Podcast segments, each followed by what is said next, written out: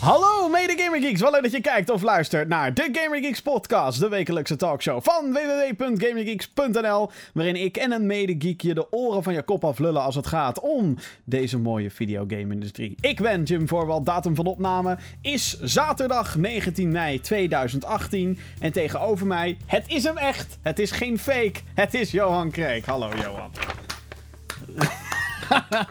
Zo, hey, dat is Hey, eindelijk hey. een nieuwe. ja, dat, Eindelijk een nieuwe. dat verdient Nice. een... eh,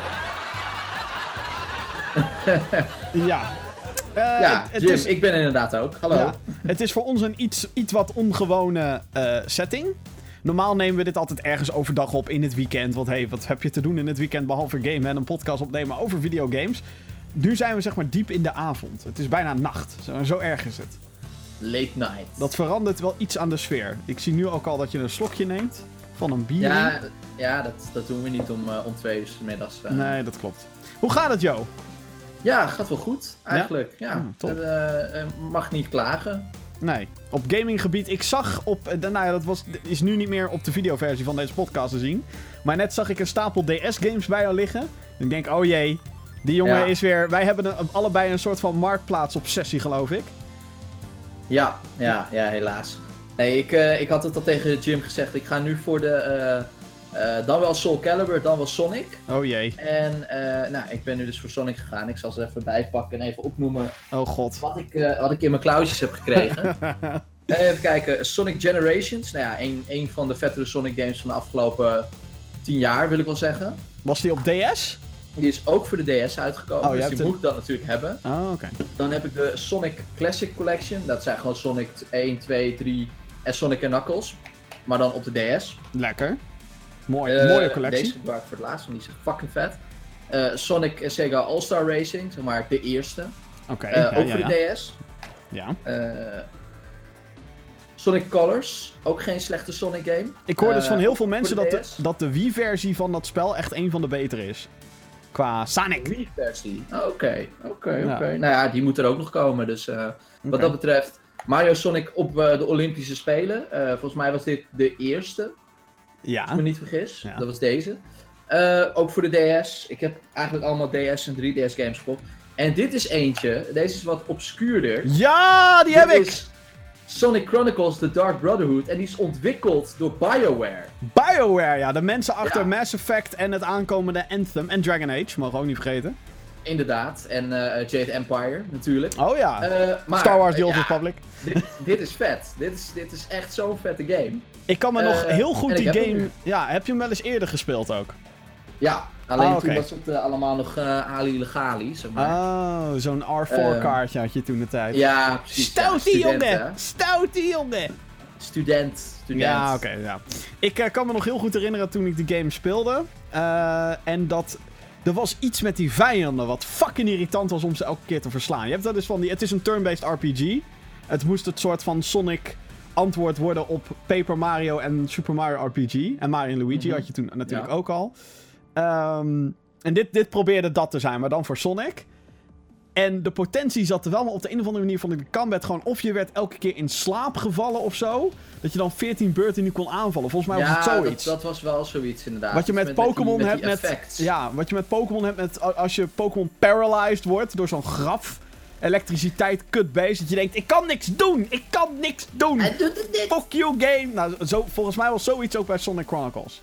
Lang, ja, klopt lang geleden. Het gegeven dat, dat BioWare een, een, een Sonic game heeft gemaakt, Ja. vind ik, vind ik fucking cool. Dus Ik vind eigenlijk gewoon dat ze zoiets weer mogen doen. Absoluut, Maar goed. absoluut. Ik vind ook gewoon dat, dat ze een, een eh, hoe heet het? Super Mario RPG 2 moeten maken. Ja, nou, die geruchten gaan er natuurlijk wel weer, zo rondom de Ja. E3. Die gaan echt Maar al jaren. Die gaan al jaren. Dat is echt... Ja, Het zou wel fucking vet zijn. Ik bedoel, de E3-voorspellingen, die gaan we denk ik over een week of twee doen. Dan gaan we echt compleet los met eh, predictions.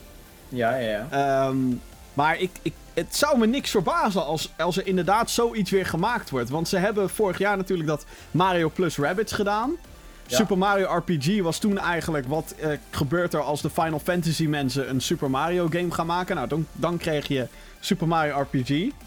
Ik ben Die er is helemaal vorig voor. jaar natuurlijk eigenlijk uitgekomen met, eh, met de mini eh, eh, SNES. Nou, hij was eerder ook al op de Wii Virtual Console in Europa.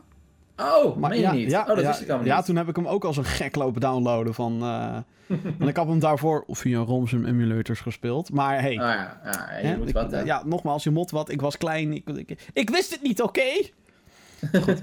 Eh, heb het als niet gewoest. nee. Eh, wat heb jij eh, allemaal meegemaakt afgelopen Eh, week op gaminggebied of niet? Nou ja, zullen we dat als eerste doen? Even het, eh, het off-topic eh, dingetje erbij pakken? Het off-topic eh, gedeelte, nou ja.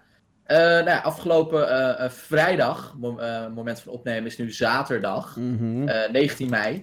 Eh, maar afgelopen vrijdag 18 mei eh, was het eindelijk tijd voor een nieuw seizoen 13 Reasons Why. Jazeker. De meest besproken Netflix-serie van vorig jaar. eh, eh, Oh. Met het meisje dat eh, zelfmoord pleegt, een aantal bandjes achterlaat en daarin eigenlijk zegt van per persoon, per bandje van dit is de reden dat ik het heb gedaan. ja. Jij bent hierbij betrokken. Dit- ik geef jou de had schuld voor mij voor... geen vervolg hoeven hebben. Nee. Helemaal niet zelfs. Nee. Het verhaal was wat mij betreft wel rond. En wat er aan het einde gebeurde, dat ja, was open voor interpretatie. Maar goed, het was natuurlijk zo'n groot succes dat Ja, eh, het, de eh, makers zei dat het verhaal van Henna nog niet klaar was. En eh, nu, een jaar later, zijn we dus bij ja, hoe het verder gaat. Dus de rechtszaak onder andere, hoe de school zeg maar ja, verantwoordelijk wordt gehouden voor het feit dat het zover heeft gekomen, is moeten komen. Ja, want het, Ehm, eh, voor de duidelijkheid, het gaat dus echt, het is echt een, een teen drama in die zin. Maar ja, wel eentje die mij vorig seizoen, eh, of vorig jaar, heeft. echt keihard gegrepen heeft. Omdat het zo'n... ehm, het, het- er was heel veel controverse rondom deze serie. Amerikanen kijken het, dus dan weet je het al. hè, alles is overdreven in Amerika. Ehm, maar dan, het, op de een of andere manier greep het mij, omdat sommige dingen daadwerkelijk gewoon gebeuren. Ja, En, nee, het, eh, het, het dat- was, het was een soort van, van ja, hele uitgebreide pestcampagne, eigenlijk anti-pestcampagne. Ja, ja. En eh, Eh, het, het met, was... Het met was foto's op mobieltjes en dat delen daarvan en wat de impact daarvan kan zijn. En ook eh, gewoon een kind dat eh, in principe ja, verwaarloosd wordt, gewoon niet gezien wordt eh, en gewoon eh ja, gealienate wordt door, door iedereen op school. En wat, daar, eh, ja, wat daarmee kan gebeuren. En dat is, eh, ja, dat is best wel heftig. En dat werd gewoon zo goed in beeld gebracht in, Ja. dat, eh, in dat eerste seizoen. En, en het, de kritiek erop was is dat het eh, zelfmoord verheerlijkt zou hebben. Ik snap Ja. echt niet welke idioot die dit gezien heeft dat daadwerkelijk denkt. Want dat is onzin. Eh, nee, want het wordt wel. de daadwerkelijke zelfmoord zit ook in, in, in Ja. de serie, in, de, in het eerste seizoen. En dat wordt wel op zo'n manier gedaan dat je echt zoiets hebt van: ik vind dit super naar. ja, super Ik na wil om naar te eigenlijk kijken. niet naar kijken. Ja. En dat is denk Eh, ik maar- heel effectief. Dus voor de, voordat we het erover verder gaan. eh, eh, en, en ja, ik bedoel. Ik voel mezelf zeg maar ook moreel verplicht om te zeggen. Mocht je inderdaad iets met neigingen hebben. Of je voelt je niet goed. Of je hebt behoefte om met iemand te praten. Doe dat. Er zijn ook in Nederland zijn er hulpinstanties voor als er, als er iets met je aan de hand is. Dus doe dat alsjeblieft. Mocht je daar, ja. ja. mocht je daar last van hebben. Seizoen 2. Ja, seizoen 2, nou ja, je volgt gewoon zeg maar die, diezelfde eh, personages weer. Eh, dus het pakt het eigenlijk gewoon eh, weer op. Wat ik al zei, je hebt dus die rechtszaak die tegen de school, die is aangespannen door de ouders van Hannah. Omdat die zoiets hebben van ja, de school heeft het gewoon een beetje laten liggen. En in het eerste seizoen komt dat al wel een beetje naar voren. En de personen die dat hebben laten liggen, ik vertel het bewust een beetje vaag, want als je het eerste seizoen nog niet gezien hebt, dan Exact, kun je dat ja. gaan doen. Die, eh, Ja. die hebben dat ook laten liggen en dat zie je ook. En eh, die voelen zich ook zichtbaar schuldig. En die proberen ook op hun manier dat, zeg maar, een soort van, een soort van redemption te zoeken. En dat vind ik heel interessant. Wat ik, Eh, wat ik, ik heb nu ja, vier, vijf afleveringen gezien. En de impact van het eerste seizoen is niet aanwezig bij mij. nee, maar dat is denk ik logisch. Van, oh, het wordt bij de keel gegrepen en het is Nee. niet slecht. Eh, maar het is niet dat. Nee, het is, niet, het is natuurlijk niet meer, het heeft niet meer de kracht van zo'n eerste seizoen. Ook eh, onder andere omdat het eerste seizoen eh, gebaseerd was op een boek. En dat boek eindigt eigenlijk soort van aan het einde van seizoen 1. Ja. En het is net zoals een beetje met Game of Thrones, merk je dat ook. Dat toch wanneer de source material, wanneer dat op is, Dan Prison Break. Prison Break schijnt... Oh ja, dat weet ik niet eens, maar... Was ook, bedoeld als één seizoen. ook daar merk je meteen zo van... Eh, er is iets, zeg maar, er is iets anders. Star Wars, zelfde verhaal, by the way. Ehm, Ja. en eh, ook al zijn dat films van origine. Maar goed, hè, dat de hoofdguy er niet meer achter zit. En ehm, wat ik wel super interessant vind, is hoe zij eh, de situaties uit het eerste seizoen pakken. Want er was, ik kreeg al wat kritiek op Twitter toen ik erover tweette. Van ja, het is gewoon veel hetzelfde. Wat ik daar juist zo heel cool aan vind, is dat seizoen 1 vertelde alles vanuit Hannah, het meisje wat zelfmoord heeft gepleegd, vanuit haar perspectief. En iemand die verliefd op haar was. Dus eigenlijk haar als perfect zei. En zij liegt nooit. En zij zet alles natuurlijk wat voor haar belangrijk is. En voor haar Ja. in een positief daglicht ehm, heeft gezet. Van, oh, kijk, mij het slachtoffer zijn. En ik ben ook nog niet heel ver in, in, de, in dit seizoen trouwens. Ik heb 4,5 aflevering gezien. Maar hier merk je soms dat toch wat bij sommige situaties... Ja, zit het niet altijd zoals iemand het tegen jou vertelt. En dat vind ik dan wel op, op Ja, zich nee, boeiend. Vind, ik vind ook die, die, in, eh, die invalshoek vind ik ook interessant. Vooral ook omdat je ook een beetje een soort van flashbacks hebt. Waarbij je ook nog een klein beetje extra context krijgt. Ja, ja.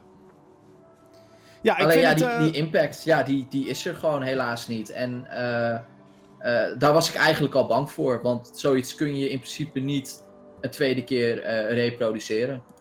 nee, en nee, wat mij nee. betreft lukt dat dus ook niet. Nee, maar ja, nogmaals... maar ik, het is niet slecht. Nee, ik, nog sterker nog, ik, ik zit, ik heb, vandaag heb ik helemaal geen tijd gehad om te kijken.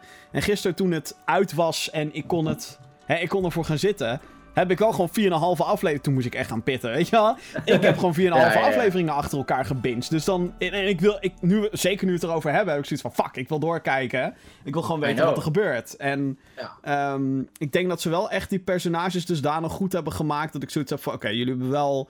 De, de personages caren mij. Nog dusdanig erg dat ik wel nog een seizoen met ze wil doorbrengen. Maar ik hoop... Ja, nee, maar dat is, dat is heel goed gedaan. Alleen wat, wat, wat mij zeg maar zo eh, eh, irriteerde aan zeg maar, de aankondiging van seizoen 2 was het soort van eh, dat ze zeiden: Story of Hannah Baker isn't finished yet. En dat eigenlijk iedereen die seizoen 1 had gezien wel zoiets had van: ja, oké, maar het heb ik Wat wel dan? gezien en het ja. is klaar. Ja. Maar ja, nee, kudos. Ja, ik denk dat we beide bij de volgende podcast ongetwijfeld het hebben afgezien. De final Ja, daar ben, verdict. ik- ben ik wel bang voor. Nou ja, ik bedoel, het zijn 13 afleveringen, 13 afleveringen, jongens. Het is allemaal niet zo erg. En, en dat vind ik dus wel, het is een binge-waardige serie. Nog steeds, vind ik. Ja, Al, Ja, nou, ja, nou ja ik, ik, heb nu, ik heb nu zeg maar één, één ding waar ik zeg maar, waarom ik echt kijk. En dat is omdat één iemand die heeft iets geflikt in het eerste seizoen. En die komt er tot op heden mee weg. Ah, en nu ja, wil ik ja, gewoon, ja, die persoon wil ik gewoon zeg maar, die wil ik zien hangen. Ja, precies, ja. Daar, dat, is mijn endgame nu. Mhm. Oh ja, dus, dus Eh, dat is al... ja, je weet wie ik bedoel. Ja, tuurlijk weet ik wie, je bedoelt, ja. ja. Dus eh, ja, dat is een beetje mijn endgame. En, dat, eh, en al die andere personages daaromheen, eh, die, die hebben ook wel interessante story arcs. Ja. Ehm, heb je ook nog wat gespeeld? Want dan gaan we even weg van het eh, off-topic gebeuren. Gaan we, Ja, over, we ik, gaan het eh, over games hebben, mensen. Zet je schrap. ik, heb iets, eh, ik heb iets heel geks gedaan. Ik, eh, ik was laatst natuurlijk klaar met, eh, met God of War. Ja, En, eh, nou ja, een van de beste games van het jaar. Ja, misschien wel. Eh, en het is geen geheim dat ik ook nog best wel wat games gewoon in de Factory Seal hier heb liggen. Een van die games was Watch Dogs 2. Oh. En nou vond ik eh, Watch Dogs 1 een prima game. Mm. Niet, niet zo slecht als hoe andere mensen die game hebben bestempeld. Ik vond het een slechte game, man. Er wa- was wel wat mis mee natuurlijk. En er was natuurlijk een hoop controverse. En het was heel makkelijk om die game te haten. Ehm, maar met Watch Dogs 2 eh, doen ze eigenlijk alles wat, wat kut was aan 1. Maken ze beter. En dat hebben ze eerder gedaan, Ubisoft, met Assassin's Creed. Eh, die was herhaaldelijk en bla bla bla. En toen kwamen ze met, eh, met deel 2. En nou, ik denk dat ik wel mag zeggen dat deel 2 een van de betere in, in, in de reeks is. Van Watch Dogs. Eén of twee. Nee, van Assassin's Creed. Oh, van Assassin's Creed. Ja, Waarom zeg je Assassin's Creed? Wat raar. hoezo? Hoe Een bedoel je? compleet andere franchise, Assassin's Creed. Nee, maar ik bedoel meer van dat Ubisoft al eerder heeft laten zien dat als ze een deel maken dat zeg maar niet zo goed is, eh, dat er nog wel wat te redden valt. En met Oh, Watch ja. Dogs 2 eh, laten ze dat ook zien. Want eh Watch Dogs 1 was natuurlijk heel bruin en heel grijs. En het was Chicago en die Eden, die... Ja, Ja. dat was gewoon geen gezellige dude. Daar had je echt Haat aan dat personage. oh, Eden, jongen. Dat je echt dacht van, oh, ik krijg gewoon hoofdpijn van je, jongen. Echt hoofdpijn van je. En gewoon geen interessant verhaal, vond ik. En eh, weet je, dat CTOS, wat natuurlijk geïntroduceerd werd. Het hè, alom eh, overkoepelende systeem waar alle computers aan aangesloten zitten. En wegennetwerken en wat dan ook. Dat was interessant. Eh, en in Watch Dogs 2 heb je dat ook. Alleen nu zitten we dus in San Francisco. Hele kleurrijke stad. Je speelt met Marcus. Hele, ja, gewoon een hele toffe gast. Leuke dude. Die ontmoet ook een nieuw hackersgroepje. Een soort van kleine Anonymous. eh, en dat zijn ook allemaal kleurrijke personages. Dus het is allemaal, het is allemaal veel leuker. De, de gameplay is verder uitgebreid. Ja, het is gewoon een hele leuke game. Hoe, eigenlijk. eh, hoe, want hoe ver ga jij met open... Het is een open world game. ja. Hoe ver ga jij daarin? Ben jij iemand die zeg maar dan echt alle zijmissies gaat doen? En... Nee. Oké, jij gaat echt alleen maar voor de main storyline. Ik, eh, ik heb wel een aantal nevenmissies, zoals dat mooi genoemd wordt in het spel. heb ik gedaan. Eh, maar dat was meer omdat ik dacht dat ik een hoofdmissie aan het doen was. Verkeerd geklikt.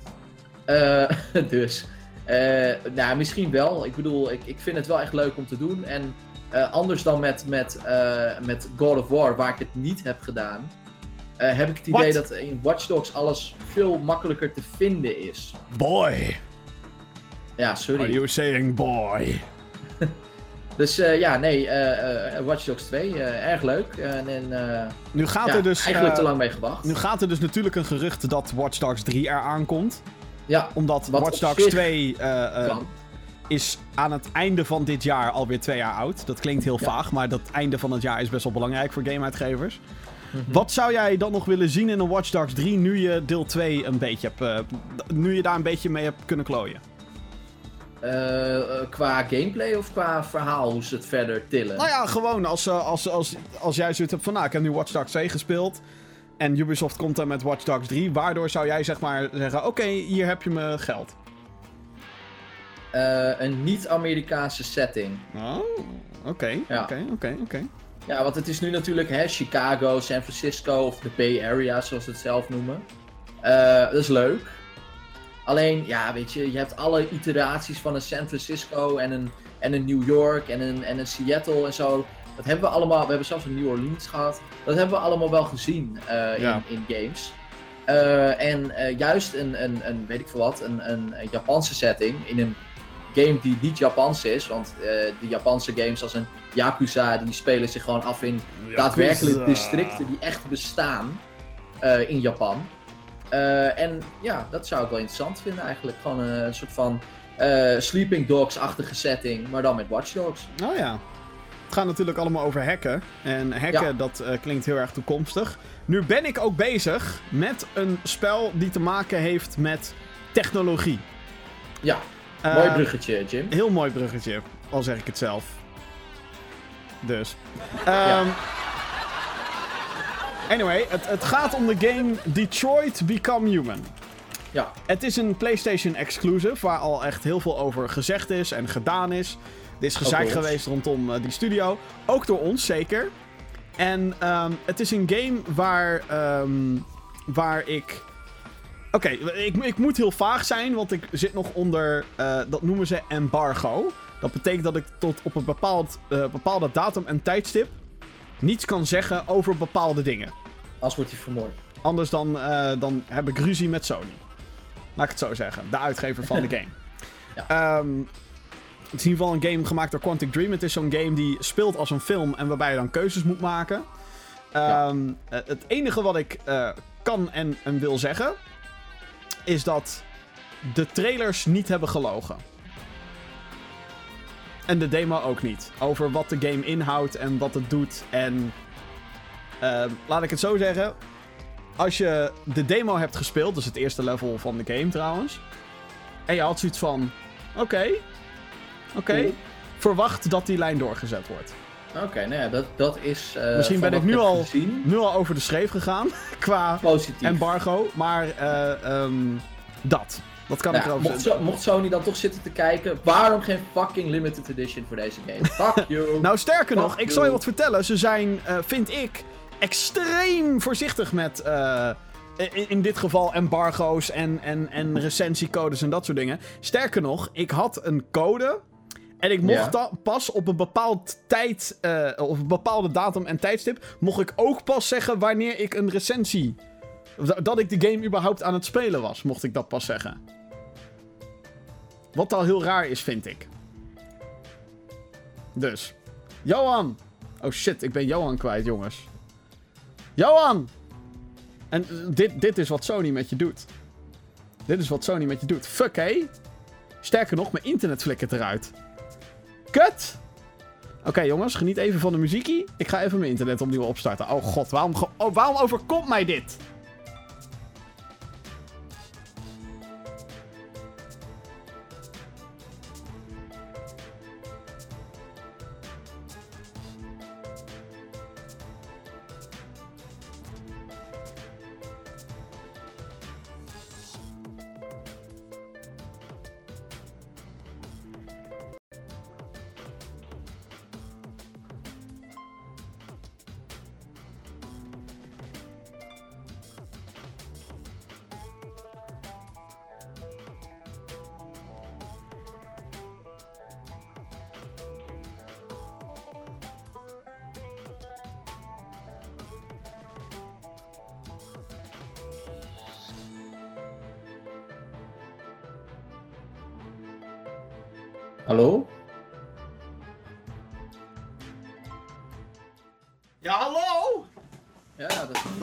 Alles flikkert meteen neer. Hallo! Hallo? Ah, kijk. Nu vloei jij eruit. Ja, nu, nu pleurde ik eruit, ja. Godsamme. Eh... Het was heel raar voor mij, want het, het, het, het, eh, het geluid viel weg. En eh, toen was het ook klaar. Ja, Toen, eh, ja. toen was het klaar. fuck duck, hé. Anyway, Ja. zeg maar even wanneer we weer live zijn. Oeh, we zijn alweer live. ja, we zijn er Oeh, weer wat live. ik maak niet eens een grap ook. Nou, hallo, zijn we weer. Hoi. Ehm... Leuk man, internet. Jeetje. Ik denk dus echt dat, ik, dat dit gewoon Sony is die, die interfereert met, mijn, met mijn shit gewoon. Ja, dat Oh. moet je ook niet doen, eh, Jim. Nee, precies. Dit is mijn les. Laten we, laten we het niet meer hebben over die game waar je eigenlijk niet zoveel over mag zeggen. Nee, nee, precies. Maar meteen doorgaan met iets anders. Ja. Waar je ook boos over bent. Boos. Oh ja, we gaan het hebben over een rage. Een rage. Een rage. Dat komt later. Ehm ah, ja, een, eh, een daadwerkelijke rage. Of nee, eerst rage. Oké, Rage 2 is aangekondigd, dames en heren. Eh, Ja, he- heb ik dus eigenlijk. ehm, het is een game gemaakt door Avalanche en door id Software. Eh, Mhm. Avalanche kan je kennen van Just Cause en de Mad Max videogame. En Ja. id Software is natuurlijk de studio achter Quake en Doom en et cetera, et cetera. Legendarische studio. Mag je zeggen. Ja. ehm, en Rage is een, een franchise. Nou, franchise, nu pas Het is een game. het is een game.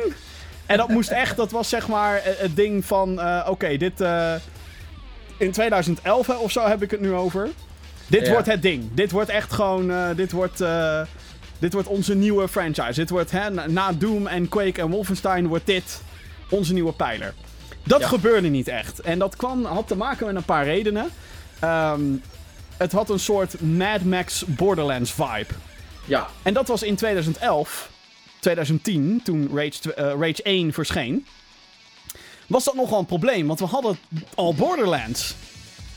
En Borderlands was gewoon ook zo'n soort open world met een voertuig eh, door de open wereld crossen en dan leveltjes ingaan en ja monsters het- kapot het knallen. sneed een beetje. Ja, het was echt gewoon een beetje. ja, het, het viel een beetje in herhaling.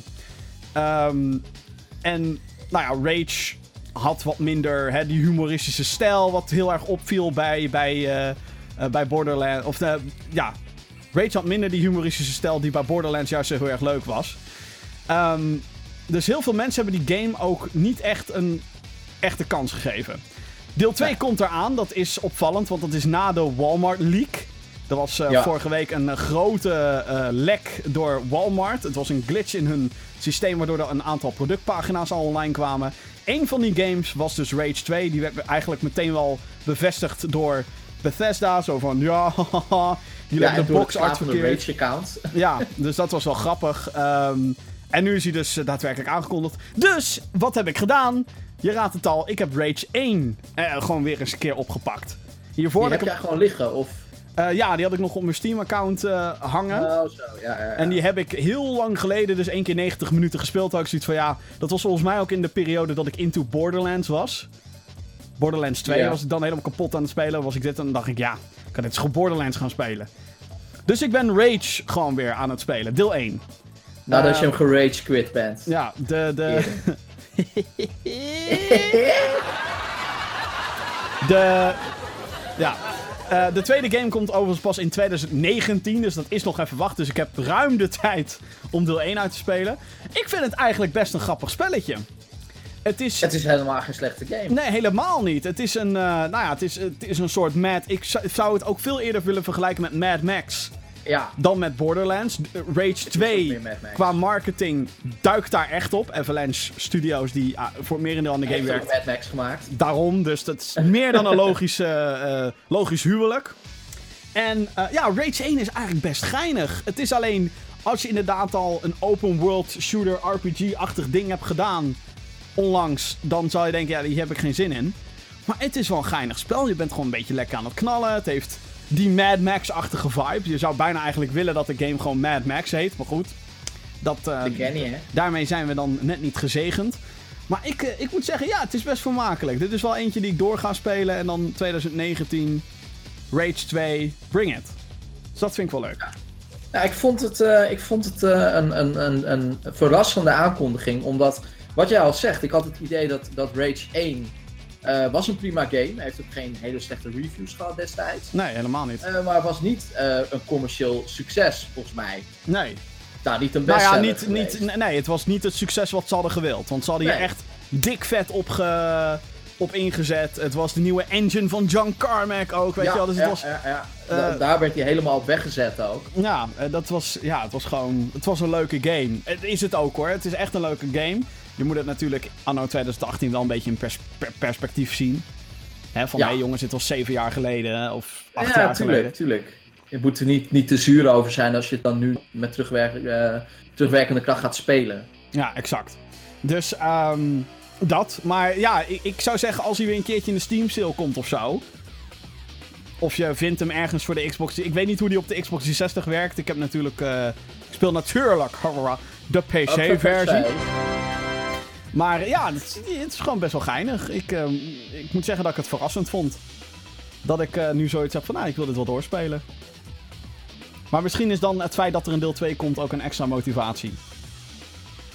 Ja, goed. Ja, eh, Ehm, ja, inderdaad. Dan heb je stok achter de deur. Dan, eh, voordat we dan daadwerkelijk doorgaan met de show, wil ik nog even keihard gewoon fucking eh, ragen op de fucking Windows Store. We weten allemaal hoe het zit. De- je hebt een Xbox, dat is van Microsoft. En eh, als je tegenwoordig Microsoft exclusive games eh, speelt of wil spelen, dan kan dat op de Xbox One of op Windows 10. Dat is crossplay, cross-braai, cross-com- cross-compatible, bla bla bla. Fucking vet. Fucking vet idee. Gewoon cross, fantastisch. Ik verheug me nu elk jaar op een Microsoft persconferentie, wetende dat ik die shit gewoon kan spelen. Ik heb geen Xbox, maar ik heb wel een PC met Windows 10 erop. Ik ben dus bezig om een nieuwe game te, te recenseren. Die heet State of Decay 2. Zo'n zombie survival game. Eh heb ik best veel zin in. Ben benieuwd hoe die, hoe die gaat werken, hoe het gaat zijn, bla bla bla. Zijn er mensen die het spelen? Hey, laat het me weten. Podcast.gaminggeeks.nl Ehm Want ik zoek dan co-op zombie survival buddies. Ehm, voor wanneer die game uit is. Dat is aankomende week. Dus, eh, maar ik heb geen Xbox. Dus ik, speel, ik wil op PC spelen. Dus dan krijg je zo'n zo'n perscode. Waarvoor, dank Microsoft, by the way. Jullie kunnen er niks aan doen. Microsoft Nederland althans. Dat dit systeem, dit Windows Store, 10 Microsoft Store, whatever the fuck, zo kut werkt. dat het... het Oké, je probeert een fucking game te downloaden. Je hebt natuurlijk last van internetproblemen. Zoals wij net letterlijk hadden in deze podcast. Gebeurt wel eens. Nee. Tuurlijk, ik snap het. Zo'n game moet downloaden, dat moet installeren. Tuurlijk. Alleen we zijn inmiddels gewend. Ik ben dat gewend van een Steam, van een Origin, van een Uplay, van een Battle.net, van de Epic Games Launcher. Mijn bandbreedte gaat naar de kloot op het moment dat zij een game downloaden. Maar voor de rest werkt alles nog. Niet bij de fucking Windows Store. Het is namelijk zo dat die fucking Windows Store continu 25 megabyte downloadt. En daarna in een soort loopje belandt. Van oh, ik moet nog even de downloadgrootte uh, moet ik even berekenen. Ik moet nog even kijken of ik wel de schijfruimte heb klaargemaakt. Ik moet nog even kijken. Oh, hier is nog een megabyteje erbij. Nou, ik moet weer even gaan kijken of ik wel genoeg fucking download uh, schijfruimte heb vrijgemaakt. Fuck dit systeem. Serieus. En, en nou is dat kut. klinkt als mijn debiele neefje. Nou is dat kut. Maar het tankte mijn PC fucking hard op het moment dat het onbruikbaar was. Onbruikbaar. Ik kon niks meer doen. Alles liep vast. What the fuck? Ik heb serieus gewoon, vlak voordat ik naar mijn werk ging, fucking vroeg ochtends, heb ik gewoon mijn PC moeten aanzetten. State of Decay 2 installatie aanzetten. Werken. En toen ik terugkwam was het geïnstalleerd. Dat was serieus de enige manier om deze shit werken te krijgen. Fuck dat. Fuck de Windows Store. Uh, weet je nou hoe lang die uiteindelijk is bezig geweest? Nee, dat of, weet ik niet. Nee, dat weet ja. ik niet. Ik heb gewoon mijn PC laten. Daarvoor heb ik het echt gewoon, heb ik gewoon naar mijn scherm zitten staan. Van hoe kan, maar hoe kan dit? Hoe kan dat nou? Microsoft fix that shit. Fix die shit. Ja. ja, eens. Het is gewoon vervelend. Ik zou er bijna een Xbox willen kopen. Dat is het idee natuurlijk. Oké, kut, laat maar. Microsoft, je bent fucking geniaal. Gewoon fucking Xbox Bam. One. Ja, hier. Eh, ja, zometeen gaan we het hebben over eh, uitgestelde games. eh, meer- nog meer E3 persconferenties en de plannen rondom de Battlefield franchise. Maar eerst gaan we het hebben over het gesprek van de dag. En die is vandaag voor een klein spelletje. Waarvan we al wisten dat die ging komen. Maar waar nu een event voor was. Een livestream. De details, de aankondigingen. Call De marketingtermen. de marketingtermen. Call of Duty Black Ops 4 komt eraan. 12 oktober komt hij uit voor de PlayStation 4, Xbox One en PC. Ja. En eh, nou, ze hebben dus een, een, een, livestream gehad. Waarin ze eigenlijk gingen uitlijnen: yo, dit is de nieuwe Call of Duty. Dit zijn onze plannen ermee. En dat was kennelijk wel nodig, want eh, Call of Duty zit natuurlijk de laatste paar jaren in een soort neerwaartse spiraal. Ja. Het is een. Hè, de, de- of het is te veel science fiction. World War II, het idee erachter was leuk. Maar dan merk je toch dat ze eh, eh, een- een uitgeklede versie van een oudere Call of Duty game hebben gemaakt. Althans, zo ervaren heel veel mensen het. Ehm, ik moet daarbij zeggen, ik, Call of Duty is zo groot dat je het als gamer wel in de gaten moet houden bijna. Ik heb sommige Call of Duty's, met name de singleplayer campaign. Oh jee. Eh, heb ik met plezier gespeeld. En ik probeer elk jaar, for real, ik probeer echt in die multiplayer te komen. Ik word gewoon heel snel boos, ik ben heel ongeduldig. Ehm, en nu was het dus Black Ops 4. Laat ik dit zeggen, Black Ops is misschien wel Paradepaardje, hè? paradepaardje, ja. Want Black Ops is... Ik vond Black Ops 1, zeker de singleplayer... Oh jee. Echt heel goed. De multiplayer was toen de tijd, van wat ik me kan herinneren, dat is inmiddels al acht jaar geleden. Ehm, was dat ook wel cool. Het was de, de game die Nuketown introduceerde. Wat Ja. dus 2 voor Counter-Strike eh, Go is. Of voor Counter-Strike überhaupt. Dat is Nuketown voor Call of Duty. Het is de map die iedereen kent. En nu hebben ze dus de details eh, onthuld over Call of Duty Black Ops 4. Ehm, het Zombies mode. Yay. Dat is leuk. Uiteraard. Dit keer met drie maps in plaats van één. Het, Met de eh, optie tot het kopen van drie extra natuurlijk. Uiteraard, dat komt eh, later wel in de motherfucking Season Pass. We hebben natuurlijk multiplayer, waarbij de trailer nogal doet vermoeden dat het nog meer nadruk gaat leggen op de verschillende personages en de abilities die zij hebben. Die Mm. operators, toch? Ja, dat was in Black Ops 3 had je ook al een soort van ultimate ability, kan ik me herinneren. Alleen hier lijkt daar nog meer nadruk op te liggen. Ehm, ja, ik weet niet of we daarop zitten te wachten. Hallo Overwatch. Ja. En dan is de derde mode die ze hebben aangekondigd Blackout. Blackout. En dat is Battle Royale. Yay! Ja, Nou ik- surprising no one natuurlijk. Nee, nee, de geruchten waren al een hele, hele tijd dat dit ging gebeuren. Ehm, sterker nog, het waren gewoon lekken eigenlijk vanuit Activision eh, dat dit ging gebeuren. Ja, Eh, dus dat, nogmaals, dat verbaast inderdaad helemaal niets. Wat ze ook even tussendoor hebben gezegd is dat de Black Ops 4 geen traditionele singleplayer campagne zal bevatten. ja. Laten we eerst even dat even aankaarten. Johan, wat Ja. vind jij van de opzet van Call of Duty Black Ops 4? Nou, dat, dat vind ik dus wel grappig, want ik heb, ik heb, eh, ik heb hem nog niet helemaal stream. Eh, maar die stream die opent met soort van de highlights van de story mode ja, van Black Ops 1, Black Ops 2 en Black Ops 3. Zo van, wow, moet je kijken hoe fantastisch dit de geschiedenis en van Black Ops! personages en oh, wow, wow. En eh, ja, eigenlijk zeggen ze dus, ja, kijk er nog maar even naar, want Fuck in dat. 4 zit dit niet. Eh, vind ik apart. Helemaal als je bedenkt dat, eh, dat er denk ik ook wel mensen zijn die... want de Black Ops verhaallijn wordt ook wel zeg maar, op, een, eh, op een pedestal gezet, zeg maar. Eh, en dat is dus wel, dat is wel een geliefd ding. Eh, nou weet ik natuurlijk ook wel dat de Call of Duty games vooral populair zijn om haar multiplayer, eh, ja, multiplayer modi. Maar ja, ik vind het toch wel een gemis of zo. En ik vind dan ook dat als je dan, eh, als je dan nu zegt van oké, die eh singleplayers zitten niet in. En ik dan kijk naar wat ze nu met multiplayer hebben gedaan, wat eigenlijk gewoon copy-paste is. En dat zeggen ze zelf ook in die eh, multiplayer reveal trailer. Van eh, it's Battle Royale, eh, nothing you have ever seen before, but The we, Black know, Ops we way. know it and we play those games as well. Dat ik echt zoiets heb van oké, dus je hebt gewoon afgekeken bij andere goede games en dat dan soort van gestolen en geïmplementeerd. Sterker en- nog, het copy-paste is in sommige fronten letterlijk. Omdat ze hebben gezegd, we gaan maps van 1, 2, 3 en 4... gaan we een soort van combineren. Je kan ook als de character spelen uit 1, 2, 3 en 4. Wat ik trouwens fucking ironisch vind. Want je gaat dus helemaal boeiend lopen doen met personages uit games... in een nieuwe game waar geen fucking singleplayer verhaal in zit. Waar die personages om draaien. Maar goed.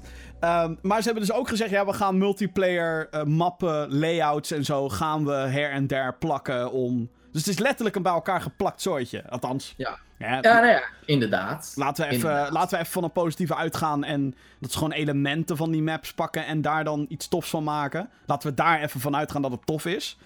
Tuurlijk. Ehm, en het zal ook voor de eerste keer trouwens zijn in multiplayer, in een traditionele Call of Duty game, dat je met voertuigen kan spelen. Voertuigen, want ja, dat is in klopt. die eh, blackout mode is dat het geval. Ehm, maar laat ik dit even als eerste zeggen. De singleplayer eruit slopen is echt het meest belachelijke wat je fucking kan doen voor deze franchise.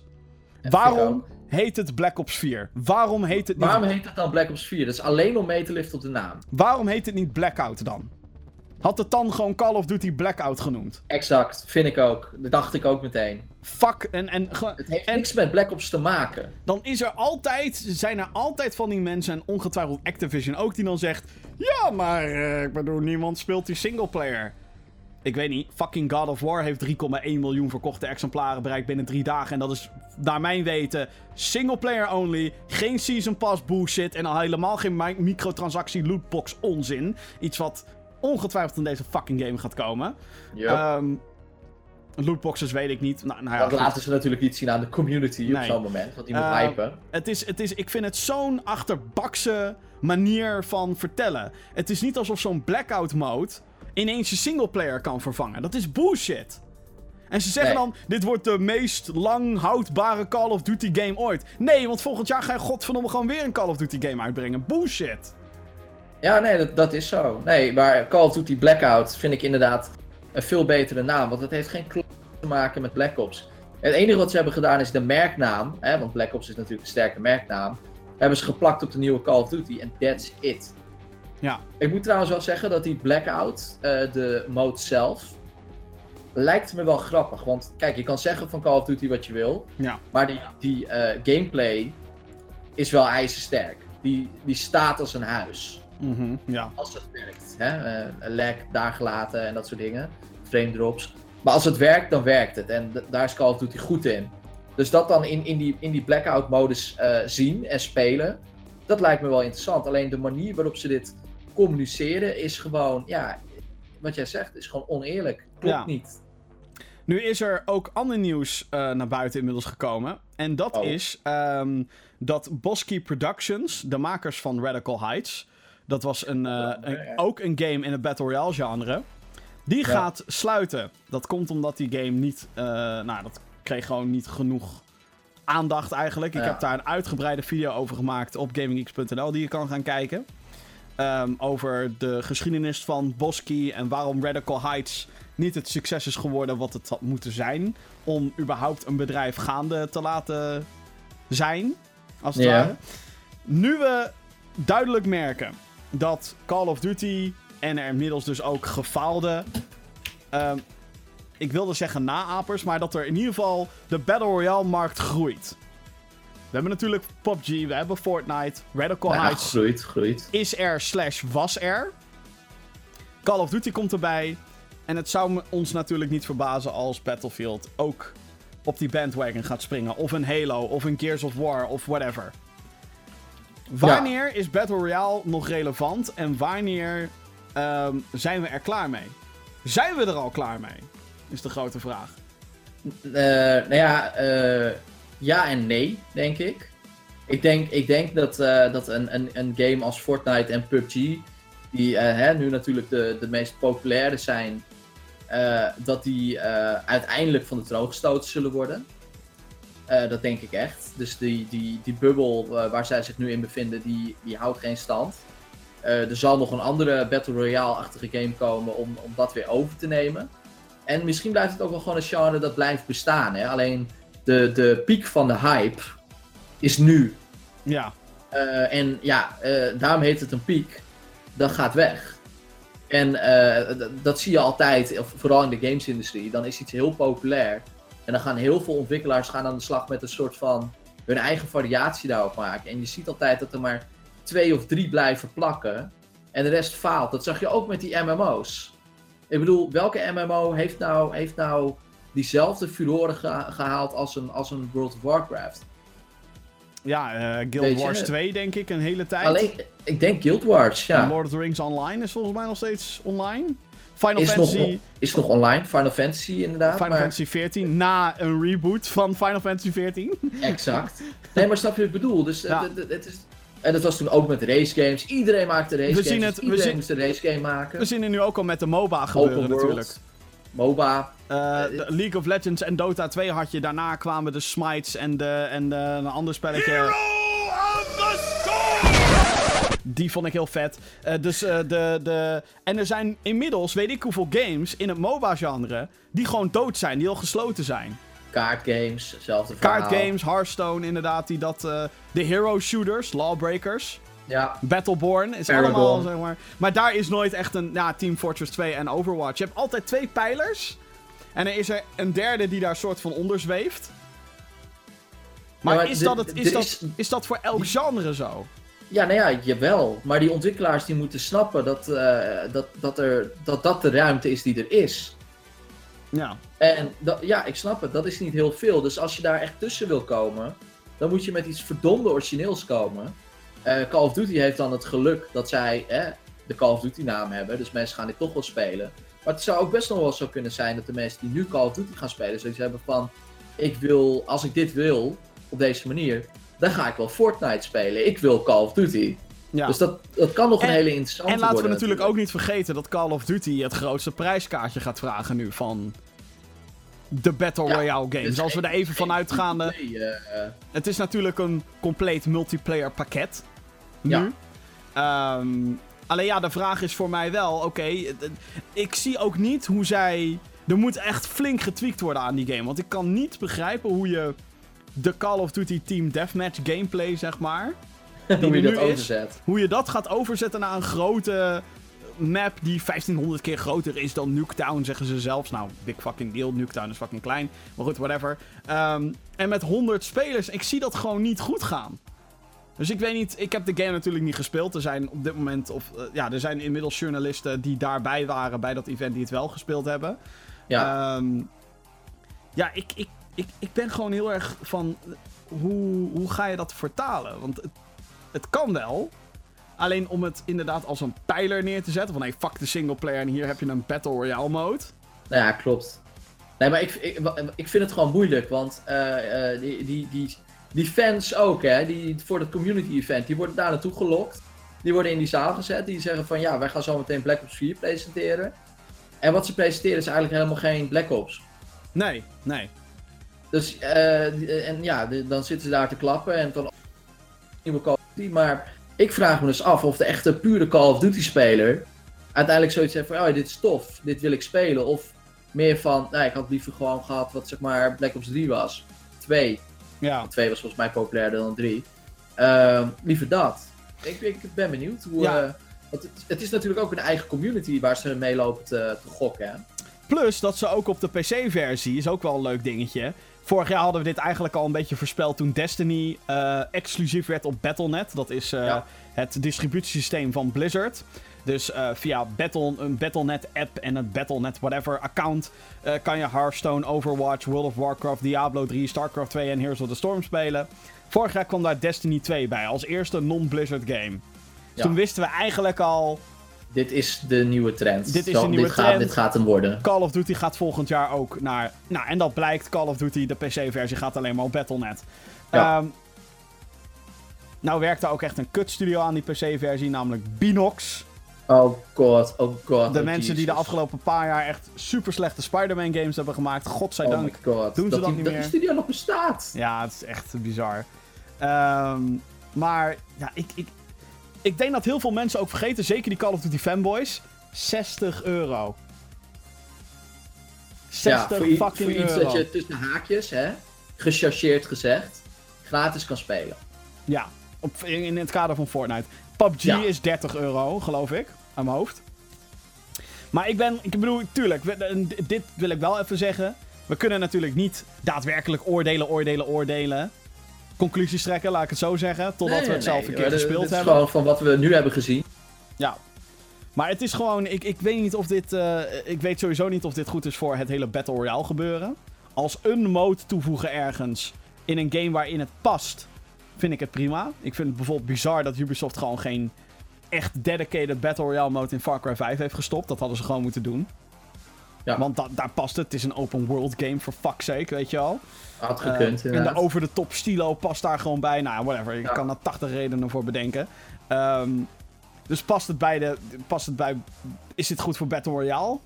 Ik denk wel dat het een soort erkenning is van de mode aan zich. Ik, Precies. ik denk alleen dat het gewoon. Dat moet het blijven. Een mode. Ja, het moet inderdaad, het moet geen game worden. Nou ja, het, het kan wel, maar dan moet je daar de verwachtingen op eh, eh, toepassen. Hè? PUBG is alleen maar Battle Royale, maar is dan 30 euro. Eh, Fortnite is free to fucking play. Eh, ook Battle Royale alleen. Ja, wil je nee, de klopt. mode, Nee, maar dan precies, moet je maar wel dat is kopen. prima inderdaad. En dat ze het dan gaan toevoegen in andere games, vind ik eigenlijk alleen maar geinig. Dying Light krijgt bijvoorbeeld een Battle Royale mode. Dat vind ik heel geinig. Knap ook hoe ze dat spel eh, live houden. Ja, vind ik, vind ik te gek. En, en eh, ik zeg niet dat een dedicated Battle Royale mode game voor 60 euro niet kan werken. Maar dan moet je echt een verdomd met echt... De fantasie moet je dan komen. De fantasie Ja. die PUBG eigenlijk is, maar dan dat het goed werkt. En is Ja. Call of Duty dat? Dat gaan we zien natuurlijk. Ja, we gaan het meemaken. Maar ik heb er gewoon heel weinig vertrouwen in. Door gewoon de dingen die Call of Duty verneukt heeft de afgelopen paar jaar. En dat, ja, gewoon, wat is die fucking singleplayer eruit slopen, man? Ik snap het echt niet. Don't fuck Nee. with tradition. We don't like that. Dus. Nee, zeker, zeker Nederlanders niet. Oh, nee, nee. Oh, absoluut, niet. Oh, man. Nee, ik, eh, ik... En, nou ja, goed, whatever. Call of Duty. We gaan, we gaan het zien. Ik ben, ik ben absoluut niet overtuigd. En dan heb je Nee. natuurlijk ook nog dingen zoals die zombies mode... die van een melee gladiator Assassin's Creed Origins rip-off naar... Nou, oh man. What the. Ja, ook die marketingtermen die gebruikt werden. Predictive recoil en situational awareness en weet ik veel wat. Ik, ik, ik vind het knap hoe ze het verzinnen hoor. Ja. Begrijp me niet verkeerd. Ik, eh, Heel knap. Maar Ik, eh, ik, ik snap het nog laat het maar zien. Ja. Eh, bij E3 ongetwijfeld meer. Gaan we naar het nieuws. Eh, nieuws van de afgelopen week. Allereerst, games zijn uitgesteld, dames en heren. Ja, want E3 komt eraan. Dan is iedereen enthousiast en blij. Maar als je dan een nieuwe trailer van een game laat zien... en dan daarna kom je er pas achter dat het uitgesteld is... word je natuurlijk minder vrolijk. En daarom zijn er deze week maar liefst drie games... En, en waarschijnlijk vergeet ik er dan nog een paar. Die uitgesteld zijn naar volgend jaar. We hebben het hier onder andere over Metro Exodus. Het derde deel Ja. in de Metro-serie. Die eh, komt eh, volgend jaar. Eh, was ook wel te verwachten. We hebben nog helemaal niet veel van die game gezien. Behalve de Alleen reveal. op de E3. Ja, reveal vorig jaar. Ehm, wel heel veel zin in die game overigens. Shenmue 3 is uitgesteld naar volgend jaar. Eigenlijk schandalig. Die game duurt veel te lang voor het uitbrengen. en Ubisoft, eh, zijn piratengame, Skull and Bones, gaat ook volgend jaar pas uitkomen. Eh, ze hebben specifiek gezegd voor april 2019. Ja, we moeten wel even in het boekjaar, hè? Ja, dus eh, dat wordt maart, waarschijnlijk maart 2019. Ja, Ehm, ja. Vooral dat Skull and Bones vind ik interessant. Ik denk door deze soort van announcement dat we Skull and Bones niet gaan zien deze E E3. Dus ja, misschien dat, een- dat, zou, dat zou inderdaad nog wel kunnen. Dat eh, dat, dat de reden is om, om meer ruimte te maken voor eh, een Watch Dogs 3. hè, Bijvoorbeeld. bijvoorbeeld een Ja. ja. Ja, Er is nieuwe gameplay onthuld van Kingdom Hearts 3. Oh mijn god, laat je kinderhartje maar sneller kloppen hoor. Want eh, we gaan weer Disney meets Final Fantasy spelen. Althans, dat is de bedoeling. Dit is ook een Toy game die... Story. Ja, het is ook een game die echt al 80 jaar in ontwikkeling is volgens mij. Ehm Ja, de, de, eh, wanneer het eindelijk uitkomt, we weten het nog steeds niet. Want ehm, er is wel een aankondiging van een aankondiging gedaan. Namelijk volgend jaar, of volgend jaar, volgende maand eh, gaat uitgever Square Enix de release datum van Kingdom Hearts bekend, Kingdom Hearts 3 bekendmaken. maar dit product is toch klaar, jongen? Dit Ja, ziet dit er toch gewoon... Dit moet gewoon inmiddels- af. Dit moet inmiddels gewoon klaar zijn, ja. Ja, Dit, maar dit eh, ziet er toch ook gewoon klaar uit? ja, van wat ik heb gehoord eh qua We mensen... hebben ook inmiddels andere werelden gezien en zo. Niet meer alleen maar één wereld. Nee, nu nee. hebben ze dan wel weer alleen die Toy Story wereld laten zien. ja. Maar dit is toch gewoon af, jongens. Dit is af, ja. Ik denk ook dat we gewoon eind dit jaar Kingdom Hearts 3 kunnen spelen. Ik heb zelf niet heel veel met de franchise. Ik, eigenlijk raar, want ik ben...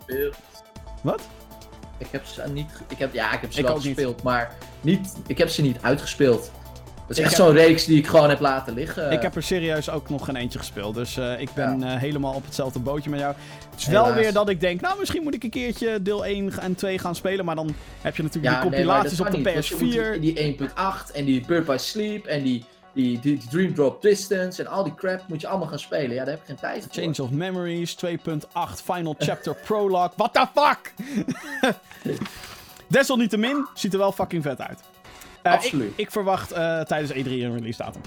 Ja, eh, Square natuurlijk. Square Enix gaat een eigen persconferentie doen.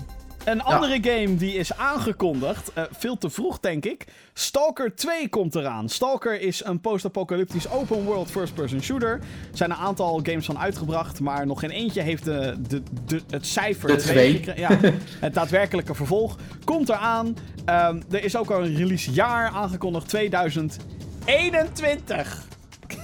Zet hem in je kalender, jongens. What the fuck? Waarom zou je een game... wat Stalker is? Wat verdomme, man. Ja, dat, dat, ook, ja. Ik, ik vind het ook bizar dat je een game drie jaar voordat hij uitkomt gaat aankondigen. Ja, Drie en ook jaar! nog in zo'n tumultueuze periode. Bedoel, We, we, hebben natuurlijk, we zijn inmiddels soort van gewend dat we lang moeten wachten op games. Maar dat is dan vaak door uitstel. Van, oh kut, weet je wel. eh. maar zeker bij zo'n game als Stalker, eh, kom op. Ja, nou wel kudo's als ze gewoon 2021 halen. Ja, ja. Ja, dat dan weer wel. Mogen ze Dus dan ja, verdomme. dat zeiden we toch? Nee, ja, ja, precies. Eh, Battlefield 5 is aangekondigd. Of nou ja, Battlefield V. V. Eh, Ehm, dat heeft EA door middel van een persbericht hebben ze dat afgelopen week naar buiten gebracht. Namelijk dat er volgende week, een, eh, en hebben we het over 23 mei om 10 uur 's avonds Nederlandse tijd, er komt er dus een livestream gehost door eh The Daily Show. Trevor Noah in ieder geval, late night show oh, host. Trevor Noah. Eh, die gaat het hosten en daar gaan ze dan Battlefield 5 uit de doeken doen. Waarschijnlijk een beetje vergelijkbaar met wat Call of Duty deze week gedaan heeft. Ehm, Ja. nou, wat dus wel interessant is, is dat de game inderdaad Battlefield V, v, V. heet. Ehm, wat ook al rumored was hiervoor. Eh, en ze hebben ook al bevestigd in hun persbericht een kleine steek naar Call of Duty, denk ik. De War Stories komen terug. Dus de singleplayer campagne van fucking Battlefield. Die keert wel terug, dames en heren. En Ja. ze hebben geteased naar... Battlefield Royale? Nou ja, nou, ze hebben ge- in een persbericht gezegd... Oh ja, Operations was heel populair in Battlefield 1. Dat was een soort van mode met een groot slagveld... en dat je nou eigenlijk verschillende levels achter elkaar speelde. En nu gaan we dat grootste aan... Battle Royale. Eh, denk ik. Ja, ja. Ja. Kan, kan Battlefield Royale, het bekt wel lekker. Battlefield Royale, ja. Maar ik vind die games ook veel meer passen bij Battlefield Royale. Of eh, Battle Royale. Battlefield past beter bij Battle Royale, vind ik, dan Call Ja, of Duty. ja, vind ik ook. Maar dat komt ook door de, de grotere opzet van de maps en dat soort dingen. En squ- het squad systeem heeft altijd al in Battlefield gezeten. Exact. Ja. Ik ben benieuwd. Ik denk, ik hoop echt dat ze... Nou, Battlefield blaast altijd qua graphics mij helemaal weg. Daar heb ik zin in, jongen. Gewoon om die beelden te bekijken. Zo van, oh my god. DICE is wat dat betreft echt heel goed. Ook Star Wars Battlefront 2 zag er goed uit. Ja, Voor de rest moeten we denk ik vooral niet veel over die game zeggen. De studio People Can Fly, bekend van onder andere, zet u schrap, Painkiller, Bulletstorm, Gears of War Judgment en, jawel, ze hebben ook meegewerkt aan Fortnite. Die werken samen met Square Enix, uitgever, aan een AAA shooter. Oftewel een big budget eh, shooter. ja, ongetwijfeld meer op de E3. Ja, ik denk het ook. Persconferentie. Dit is iets waar ik me op verheug, want People Can Fly is een... eh, oh ja, Bulletstorm had ik genoemd. Fucking goede studio. Zij Ja. weten wat fun is in, in, in shooter gameplay. Zij, zij nailen dat. En dat is zo... Zo moeilijk om dat, om, dat, om dat goed te krijgen. Zij snappen dit. Dus daar heb ik heel veel zin in. Ben benieuwd Zeer wat het gaat worden.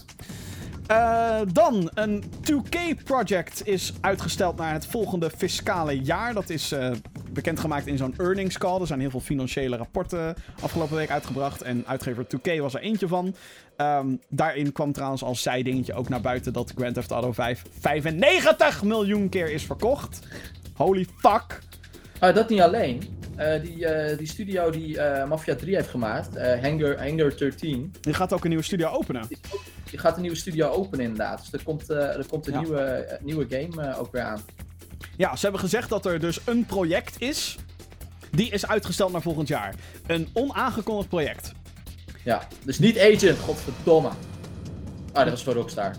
Ja, maar het was, het was een Take-Two? of Het was 2K? specifiek 2K. Dus het is niet, ja, het is nou, niet meer Agent. Wat hier dus interessant aan is, is dat er op dit moment twee opties zijn. Want de laatste paar weken zijn er geruchten Borderlands. over Bioshock. Een Bioshock-project. Ja. Zou ook verdomme eens tijd worden. En inderdaad Borderlands. Nu heeft Randy Pitchford al gezegd... Borderlands gaat niet op E3 zijn. Ik geloof daar geen zak van. Nee. Borderlands 3 is op E3. En ik mag verdomme hopen Bioshock ook. Wordt Ja. tijd. Ja, Bioshock is ook wel echt... eh Vijf, jaar geleden, 2013, Bioshock Infinite. Oh, jeetje mina. Ja. Snel door naar het volgende. Hier moet ik van niezen. Er is een ru- gerucht eh, over een Nintendo, althans, het is niet officieel van Nintendo, maar ze werken heel vaak samen met Nintendo. Een studio, Retro Studios, de makers van Metroid Prime 1, 2, 3, Oh, fuck. Donkey Kong Country Returns en Donkey Kong Country Tropical Freeze. Ik durf toch wel te zeggen dat die vijf games allemaal van eh, uitzonderlijk goede kwaliteit zijn. Ja. Eh, het wordt inderdaad ook daarvan tijd dat we eens een keer een nieuw spelletje gaan zien. Ze zijn niet Wat bezig. fuck is Retro aan het doen inderdaad? Ze zijn, niet Blijf bezig met, ze zijn niet bezig met Metroid Prime 4. Dat is al bevestigd door Nintendo. Wat dan wel? Het gerucht gaat nu dat zij werken aan, hou je vast, Star Fox Grand Prix. Een racing game in de Star Fox franchise. What the effing shit. Dus het is geen F-Zero. Fuck! Het is geen Star Fox. Fuck! Het is geen Donkey Kong. Het is ook geen Diddy Kong Racing? Nee, het is gewoon iets dat je niet wil hebben. Het is een Star Fox racing game. Als dit waar is, what the fuck Nintendo? Waar de fuck zijn jullie mee bezig? En beter wil ik dan wel een cameo zien van, eh, van Captain... Wat man. Ja, maar dit is toch onzin? Geef ons gewoon fucking. F. Breng je oude franchises terug, gast. What the fuck ben je aan het Snap doen? je het niet of zo, Nintendo? Snap Dit is echt weer niet? typisch Wii U Nintendo, dit. Ja, Hey, ja eh, gewoon... hey eh, weet je dat wij eh, Metroid de afgelopen acht jaar genegeerd hebben? Hier is Metroid Prime Federation Force. Fuck you, Nintendo. Yay. Gelukkig hebben we nu Other M en komt Metroid Prime 4. Dankjewel, Nintendo. Dankjewel, dank je. Ik hou nog steeds van je, maar... Ga niet dit soort shit poelen, man. Ga niet een van je beste studio's op zo'n kutproject zetten. Pleur op. Nou, laat dit alsjeblieft gewoon niet waar zijn. En dan zul je maar net zien. Dan zie ik de trailer en dan denk ik, nou, dit lijkt me wel geinig eigenlijk. En dan is het straks een fucking goede game. Ah, ah. dat, dat hey, maar nu we toch bij Nintendo zijn.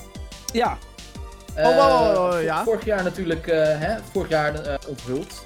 ja, Pokémon voor de Switch. ja. Nou, er is natuurlijk heel veel zin in. Niemand weet wat de fuck het gaat zijn.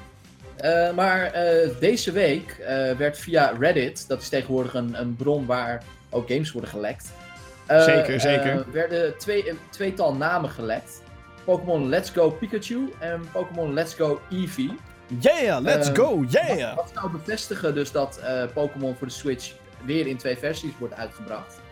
En het zou gaan om een remake van Pokémon Yellow.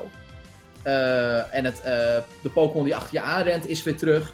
En wat, wat zeg maar interessant is aan dit gerucht is dat in Pokémon Yellow heb je natuurlijk Pikachu, jij, Ja. jij als speler.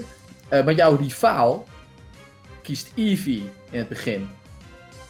Eh, dus nou, dat, dat klinkt allemaal heel plausibel. Natuurlijk is er ook nog die, eh, dat screenshot dat een tijdje geleden al is gelekt van die, die guy die op die lapjes zit. In veel meer HD dan in een bijvoorbeeld Pokémon Sun and Moon. Het schijnt ook dat Poké Ride, iets wat ze hebben geïntroduceerd in Pokémon Sun and Moon, om de HM's te vervangen, dat dat nu ook in deze twee Pokémon games gaat zitten. Eh, dat dat terugkomt. Dus fuck die HM's, daar ben ik heel blij mee. Eh vond ik een hele goede eh, toevoeging in Sun and Moon. En ja, fucking Pokémon Yellow. ja, het is de game waar ik denk ik. Maar e- één ding. Dit is waar ik me dan meteen zorgen om maak. Dat ze die Ja. shit gaan remaken, whatever. Het is al een keer eerder gedaan trouwens, Fire Red en Leaf Green. Maar dat was dan hè, blauw en geel. dat maar in, in Japan was het, was het, hoe heet het? eh, eh, in Japan was het groen en daarom was de remake ook Leaf Green, whatever. Ja, Als ze weer een remake gaan doen, gaan ze dan Ja. echt die game helemaal opnieuw opbouwen in dit geval, dat je 3D kan rondlopen? Of wordt het gewoon à la Pokémon op de 3DS dat het 3D lijkt, maar dat het eigenlijk gewoon speelt als alle andere Pokémon games? Ja nou ja, dat, dat, dat vind ik een hele goeie. En eh, ik, ik betrapte mezelf erop dat eh, als dat laatste het geval is, dat ik nog steeds heel enthousiast ben.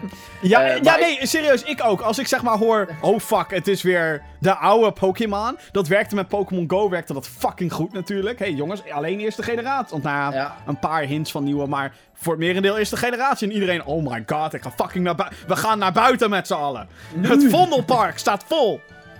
Dat werkt. Vandaag ook weer, jezus. En, ongetwijfeld. En dan, ja... Ik bedoel, heb, je- heb, je, heb je de straten van Windsor gezien, joh? Daar gebeurde ook iets. Ik weet niet wat. Ja, ik weet, ik weet niet wat daar aan de hand was. Ik denk dat daar een shiny Charizard... Ja, eh, ik denk het ook, ja. Eentje met een hele lange jurk Pokémon of zo, geen idee. Eh, het was een mi Miracle. Oké, whatever. Een hele slechte. eh, nou. Goed. Ehm, anyway. Nee, maar ik bedoel, ik, ik dus wil, ik wil een fucking 3D. Ik wil wel dat ze eindelijk een keer die franchise op de schop gooien. Dat je het al kan zien vanaf de trailer. Van, Ik Pokémon. Ken je Pokémon Colosseum nog? Dat was eigenlijk best vet, hè? Een echte 3D Pokémon RPG. Hier is die op de Switch. Bitch. Ja, maar dat, natuurlijk, dat is ook wat ik wil. En eh, als dat gebeurt, dan is het helemaal gewoon, eh, weet je, fuck you, fuck alles. Ik vind Ik, het was wel. ik zat, eh, ik zat het, eh, een filmpje te kijken van Game Explain. Eh, die hadden Ja. het ook over dit gerucht. En eh, ik zat het in bed te, te kijken. En Elise zegt, wat zit je nou te kijken? Eh, mijn vriendinnetje dus. Vriendinnetje, Ja, hey, wat, zegt, wat, eh, Pokémon wat gebeurt game, daar eh, beneden? Waarom, volgende eh, week aangekondigd. Ik heb geen beneden, alles is gelijksvloers. Ehm en ze zei, eh, oh, oké. Ik zeg, als dit waar is, dan zie je mij een tijdje niet meer. Want holy shit, als dit waar is. Oh, Als dit waar is, man, man, man. Er is één ding waar ik zeg maar een probleem mee heb. In deze shit. Ja, de Pokémon Go eh, referentie. Nee, dat niet eens. Dat vind ik fucking slim. Maar... Eevee. Ja, Ik snap het. Het is een schattig kutbeest. Waar het niet dat dat beest kan evolueren in drie verschillende vormen. Pikachu kan het niet. zes. Ja, als je even de generaties die daarna komen. Maar ik ga even uit van... Ja, oké. Ik ja, ben een Gen dan. 1. Ik ben een oude man. Ik ken alleen nog Vaporeon. Die elektrische en die Flareon. Ja. ja. precies, die ja. Eh, sorry. Ehm, maar, maar dat is dan toch heel raar eigenlijk. Dat je één ongebalanceerde... dat- da- daar is dan een dikke niet-balans. Nee, kan je dat dan in Let's Yellow Go- ook. Ja, En in ja, Yellow, Yellow. werd het natuurlijk Maar, goed maar, maar Yellow was een soort van derde versie die daarna uitkwam. En dit Ja, is... klopt. Maar in Yellow werd het goed gemaakt. Omdat je natuurlijk Bulbasaur, Charmander en Squirtle gewoon ook kon krijgen in de game. En dat zou dan in deze, dit geval ook moeten. Maar dan haal je wel meteen het Ja. hele nut van die twee versies weg. Lijkt me dan. Mm, Nee, want er zullen nog steeds zat Pokémon zijn die wel in de Eevee-versie zitten en niet in de, eh, en niet in de, in de Pikachu-versie. En ik denk ook niet dat ze SEC alleen gaan voor de, voor de eerste 151. Nee. Eh, want eh, Ik denk dat ze een soort van remake doen van Yellow. En dat ze, nou ja, ik, gaat niet gebeuren, maar dat Orange Islands daar ook bij zit. Want fuck Oh. you Nintendo. Dat zou Jullie fucking... negeren die hele regio. Eh, Het maar is dat van je de anime, het is niet van de games. Het is iets wat uit duim gezogen is voor de anime. Ah, fuck you. So you wanna be a master of Pokémon? Do you have Het was gewoon een fucking leuk seizoen. En eh, eh, ook een leuk gebied om naartoe te gaan. Maar ja, goed, het- dat hebben we natuurlijk een beetje gehad nu met, met, eh, met eh, Sun and Moon, die Ja. eilandjes. Dus Ik, ik denk, ik denk, ik, ik, ik ben helemaal voor trouwens hoor. Ik ben helemaal voor fucking On the Road to Viridian City. Is ook van de anime, who cares. op de eh, fiets, lekker. Ja, en ik, ik, ben zeg maar helemaal voor om die nostalgie weer terug te pakken. Ik denk wel dat het gaat werken, want we hebben dat gezien met Pokémon Go. En. Pokémon is natuurlijk altijd een franchise die eh, eh, eh, eerst een jaartje of twee jaar iets nieuws doet en daarna een remake. Bedoel, wat ik Ja. al zei, Red, Red and Blue zijn al geremaked, Gold en Silver zijn al geremaked, Ja, eh. Ruby Sapphire zijn ook opnieuw uitgebracht op de 3DS. Ja. Die vond ik ook verrassend leuk trouwens. Ik heb niet gespeeld. maar ja, er moet wel iets gebeuren met die franchise, waardoor echt tuurlijk. iedereen zoiets heeft van, dit wil ik weer. Want ik heb... mm, mm, eh, Daarom vond ik, vind ik Detective Pikachu nu ook zo interessant. Omdat het echt iets anders doet met dat Pokémon gebeuren. Ja, nee, absoluut. En eh, ik hoop ook echt dat ze, dat ze ook snappen dat dit de bedoeling is. Ja. Dat, dat dit is wat mensen verwachten. Maar ja, we hebben met die Star Fox eh, leak weten we al dat Nintendo dat niet. Bl- Maar dat dit is wat mensen verwachten en dat dit dus ook is wat ze moeten gaan doen. Ja. Eh, ik heb er natuurlijk al heel lang over gesproken in mijn, eh, mijn Pokémon Switch voorspellingen item. We, hebben GamerGeeks.nl. Eh, als je die nog niet gezien hebt, ga dan even naar gaminggeeks.nl nadat je dit hebt gezien. En kijk dat even. Eh, maar ja, weet je, ik bedoel, Nintendo snapt toch ook wel dat ze nu gewoon eindelijk, als ze met een console Pokémon game komen, dat het ook uit moet zien als een console Pokémon game. ja, zeker. Ja, nee, dit Ja, waar, wordt... waar, eh, waar ik me zorgen over maak, is dat ze zeggen van, nou ja, ze willen dus iets gaan doen in combinatie met Pokémon Go, snap ik, fucking slim. Eh, maar waar ook bijvoorbeeld mensen nu bang voor zijn, en ik deel die angst, is dat het vangen bijvoorbeeld net zo wordt als in Pokémon Go. Of erger nog, dat ze aan het battlesysteem gaan lopen kutten. ik denk, nou eh, weet je, voor ik, deze. Nou, dat laatste Waar- gaan waar- ze niet doen. waar ik sowieso zat, wa- wat ik echt waar ik helemaal klaar mee ben, is dat vier moves gebeuren. Fuck off. dus ik ben daar echt, Ja, ik ben daar ja, zo dat- klaar Daar mee. moeten ze vanaf. Ben ik Ik met s- je eens. Ik snap het wel. Ik, aan de ene kant snap ik het strategische element ervan. Tuurlijk. Maar behoud dan die moves en dat ik ze dan weer terug kan switchen of zo. Ik weet niet of dat inmiddels al een ding is. Nee. Maar ik werd daar vroeger zo, zo fucking panisch Ja, maar gewoon. dat je meerdere movesets kan kiezen voordat je een battle in gaat. ja, exact, exact. Zoiets. Oh, Ik hitting the nail on the head. Ja, waarom kunnen we dat gewoon niet doen? Dat soort shit inderdaad. Haal die HM's weg uit, uit het battlesysteem. Want het werd toch alleen maar... Je had ha- letterlijk HM-slaafjes in je party, kan ik me nog wel herinneren. Ja, nee, HM is dus gelukkig al weg, dus dat scheelt. Ah, oké, nou dat scheelt. Ja. HM waren zeg maar moves voor je Pokémon. Die, Cut, je, surf, ja, die je nodig had om verder te komen in de, in de wereld. In de RPG-wereld. Maar Ja. ik... Oké, la- laat ik dit zeggen. Eh, dat hele... eh, want dan gaan we terug naar Kanto, de eerste regio. Nogmaals, dat lijkt me fucking vet. Ik wil gewoon weer dat, dat Giovanni-plot mag van mij weer lekker uit de kast getrokken worden. Team Zeker Rocket, weten. komt u maar. Breng die anime-personages over. Who gives a fuck? Ehm, eh, zoals Jesse en, en James. Dat, die wil ik gewoon een keer in een game zien, gewoon. Ja, Waarom is dat nog niet gebeurd? Voor de rest is, ah, zijn alle anime-personages ook gebaseerd op daadwerkelijk de eerste Pokémon-game. Je gelooft het misschien niet, maar het is wel zo. Ehm, maar dat, ja, ik, ik, ik hoop gewoon dat ze het goed aanpakken. Ik hoop gewoon dat ik weer zoiets heb van, nou, hè hè, hier heb ik zin aan. Maar ik, Ja. ik, ik, ben, ben gewoon in die zin heel kritisch. Een beetje net als wat ik dan heb met zo'n Call of Duty. Daar denk ik, ja, dit is nou het zoveelste jaar dat jullie dit doen. Zoveelste oké, keer. belangrijke vraag Jim. Oké, Want dit, dit, is, dit is heel belangrijk. oh jee. Pokémon Let's Go Pikachu of Pokémon Let's Go Eevee? Welke versie? Ja, dan ga ik sowieso voor Pikachu, man. Dat spijt me. Ja, ik ook, maar dan hebben we wel een probleem. Ja, Nou ja, jij en ik hebben al een probleem, dus, ja. Niet dus, want het schijnt dus dat er ook een hele uitgebreide online eh in zit. Ja, dit wordt Ja, als game dit... rond september uitkomt, hè, tezamen met het online network, Ja, dan is dit natuurlijk een gouden greep van Het wordt Nintendo. natuurlijk of Smash of Pokémon wat in september uitkomt met die online dienst waar we het vorige Tuurlijk. week eh, uitgebreid over hebben gehad. Tuurlijk. Oké, eh, ja, dit gebeurde er ook nog eh, in het nieuws. Ehm, no Man's Sky krijgt een nieuwe update. Er komt ook een Xbox One versie van aan, dat wisten we eigenlijk al. Maar eh, de boxart van de Xbox One versie heeft geteased, slash eigenlijk Oh. aangekondigd, dat we een daadwerkelijke multiplayer krijgen nu eindelijk in No Man's Sky. Wat is die boxart voor de Xbox One trouwens fucking mooi. Ja, is echt vet. Het, Oh shit. no Man's Sky is een game die kwam twee jaar geleden uit. Dat was alles behalve af. Het was de definitie van early access na heel veel hype en beloftes die toen niet nagekomen werden. Inmiddels zijn er een aantal updates uitgebracht en het lijkt erop dat ze nu wel echt die updates of die beloftes gaan waarmaken met dit soort dingen. Dus je kan daadwerkelijk rondlopen, je kan daadwerkelijk met elkaar... Er is interactie. Ja. Want er was wel een sprake van multiplayer, maar was je gewoon een soort lichtbolletje die zweefde. Dat was, ja, dat, dat was een beetje gay. ja, dus eh, ik ben benieuwd hoe ze dat gaan uitpakken. En eh, ja, eh, best of luck aan die ontwikkelaar, want ze zullen dat nodig hebben. Dan is er nieuws over Sea of Thieves, de game zonder content. Eh, 29 mei dropt namelijk eh, de eerste DLC. Gratis is dat. De Hungering Deep.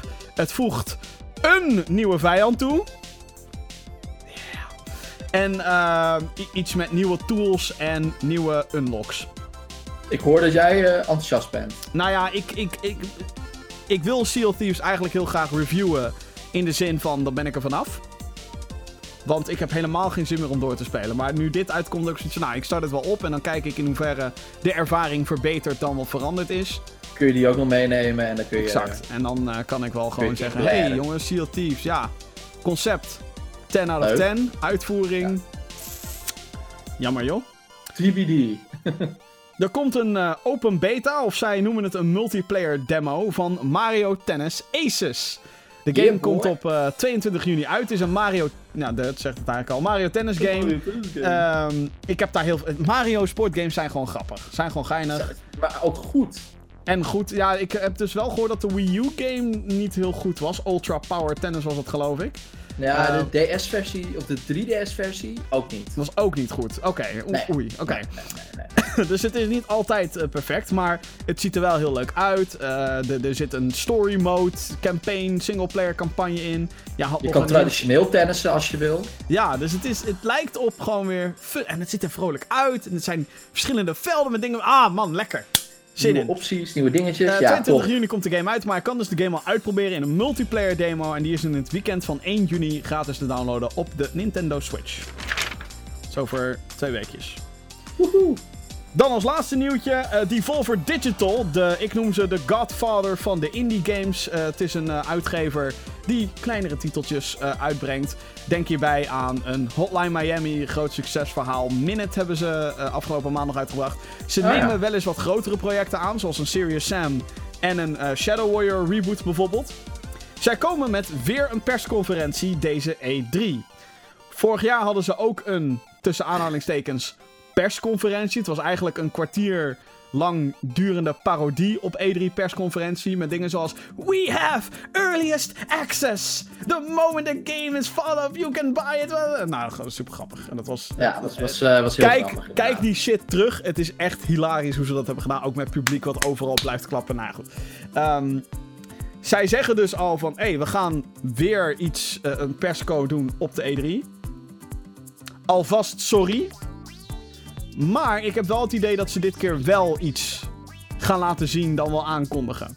We weten al dat ze met Serious Sam 4 naar de E3 komen. Ja, Dus misschien dat er daadwerkelijk iets uitkomt dit keer. dat ze weer een gym game aankondigen. Ja. Een Shadow Warrior 3 bijvoorbeeld. Ik zou het dus leuk vinden als ze iets aankondigen wat, wat, wat, wat breder is dan alleen gym. nou ja, ik denk... Interesseveld. Serious Sam is natuurlijk wel een... Al breder. Cult ding, ja. Uh, maar het zal daar altijd denk ik wel bij blijven. Devolver gaat geen... Nou, weet je, en dan zelfs een Bulletstorm zou dan nog kunnen, bijvoorbeeld. Ja, Of een Ja. Painkiller. Maar dat is ook al, weet je, dan zit je ook al een beetje... Devolver denkt alleen maar in kaders. Devolver wil juist van die gekke projecten uitgeven. ja die dat, dat klopt. die inderdaad. niemand anders zou uitgeven ooit. En dat zijn Nee, ook hun maar ik hoop dat er succesverhalen. bij zit dat ik ook leuk vind. Ja, oké. Maar dat is ook, ja... Soms moet je ook een beetje openstaan voor dingen, ja. Ik sta ook wel open, maar ik hou gewoon niet van shooters. Nee, oké, maar... En ik heb Shadow Warrior ge- geprobeerd toen op Gamescom. Oh ja, Shadow Warrior 2. Ja, We hadden toen toch alleen een filmpje van gezien. hebben we niet gespeeld? Nee, we hebben Ruiner gespeeld, nog. Dat kan ik me wel herinneren. Of Absolver, dat vond ik wel echt te gek. Oh ja, Absolver hebben we gespeeld. Ja, klopt, vorig jaar. Alleen ja, Absolver was wel echt heel erg niche. Ik ben benieuwd. Oh ja, eh, datum en tijd trouwens van de persconferentie is zondag op maandagnacht. Dus zondagavond slash de nacht dat het maandag wordt. Ja. Ehm, om 5 uur 's ochtends Nederlandse tijd. Ik denk dat ik deze echt wel achteraf ga kijken. Ik ben E3 diehard. Ik heb vrij. Ik ga alles live kijken, denk ik. Maar dit om 5 uur 's ochtends, nee. Vooral omdat daarvoor in de avond is Microsoft, geloof ik. Dus om dan de hele nacht wakker te blijven en door te halen voor Devolver, dat... Sorry. Ik hou, Gaan van, hun- ik hou van hun games, maar dat gaat een beetje te ver. Oké, gaan we naar eh, de mailbox podcast@gamergeeks.nl. Als jij vragen hebt voor, ehm, voor de show, kan mag over games gaan, mag over een specifieke game gaan of iets, eh, nou ja, wat je leuk vindt. Eh, mail het dus podcast@gamergeeks.nl. Dat kan de hele week, ook als je nu live meekijkt via de stream. Ehm, doe dat vooral eventjes podcast@gamergeeks.nl. Van onze vaste luisteraar Jeroen Helmons kregen we een mailtje. Yodio Gamer Geeks. Epic Games wil deze zomer Fortnite uitbrengen voor Android. Dat is inderdaad ook nog een nieuwtje. Waarom Oh ja. ehm, zou je in godsnaam een shooter spelen op je smartphone? Vraagteken. En wat vinden jullie van de trend om steeds meer echte games te verandroidiseren? Lees woord. Porten naar mobiel. En Ja. spelen jullie deze? Doeg, doeg, Jeroen. Ja, Fortnite eh, is al een tijdje op eh, iOS, Apple-telefoons. Komt nu dus ook Ja. naar Android. De, want hey, Android is fucking huge. Ehm, ja, laten we met eh, eh, eh, vraag 1 beginnen. Waarom zou je in godsnaam een shooter spelen op je smartphone? Eh, ja, nou ja, als je, als je onderweg bent. Ja, ik vind Fortnite vind ik wel ook een goed voorbeeld. Want Fortnite wordt natuurlijk heel veel gespeeld. Eh, Dat Mhm. speel je dus hè, lekker thuis op je slaapkamertje. Maar als jij onderweg naar school bent, of je werk, wat dan ook. En je zit in de bus of trein.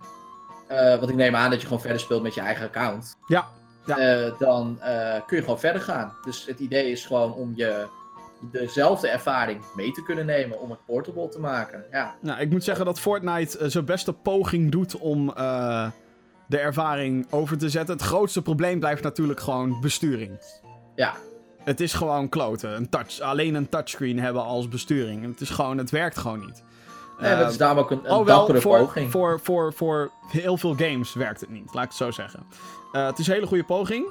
Eh, de trend om echte games over te zetten ligt er dus aan wat voor spel het is. Want ehm, wat ik wel eens tussendoor speel is Hearthstone op de telefoon. En die kwam, Ja, van, dat lijkt me dus wel heel goed werken. die kwam van origine ook uit op de PC en is Ja. daarna naar mobiel gegaan. Ja, dat is een kaartspel en dat is turn-based en dat werkt gewoon supergoed.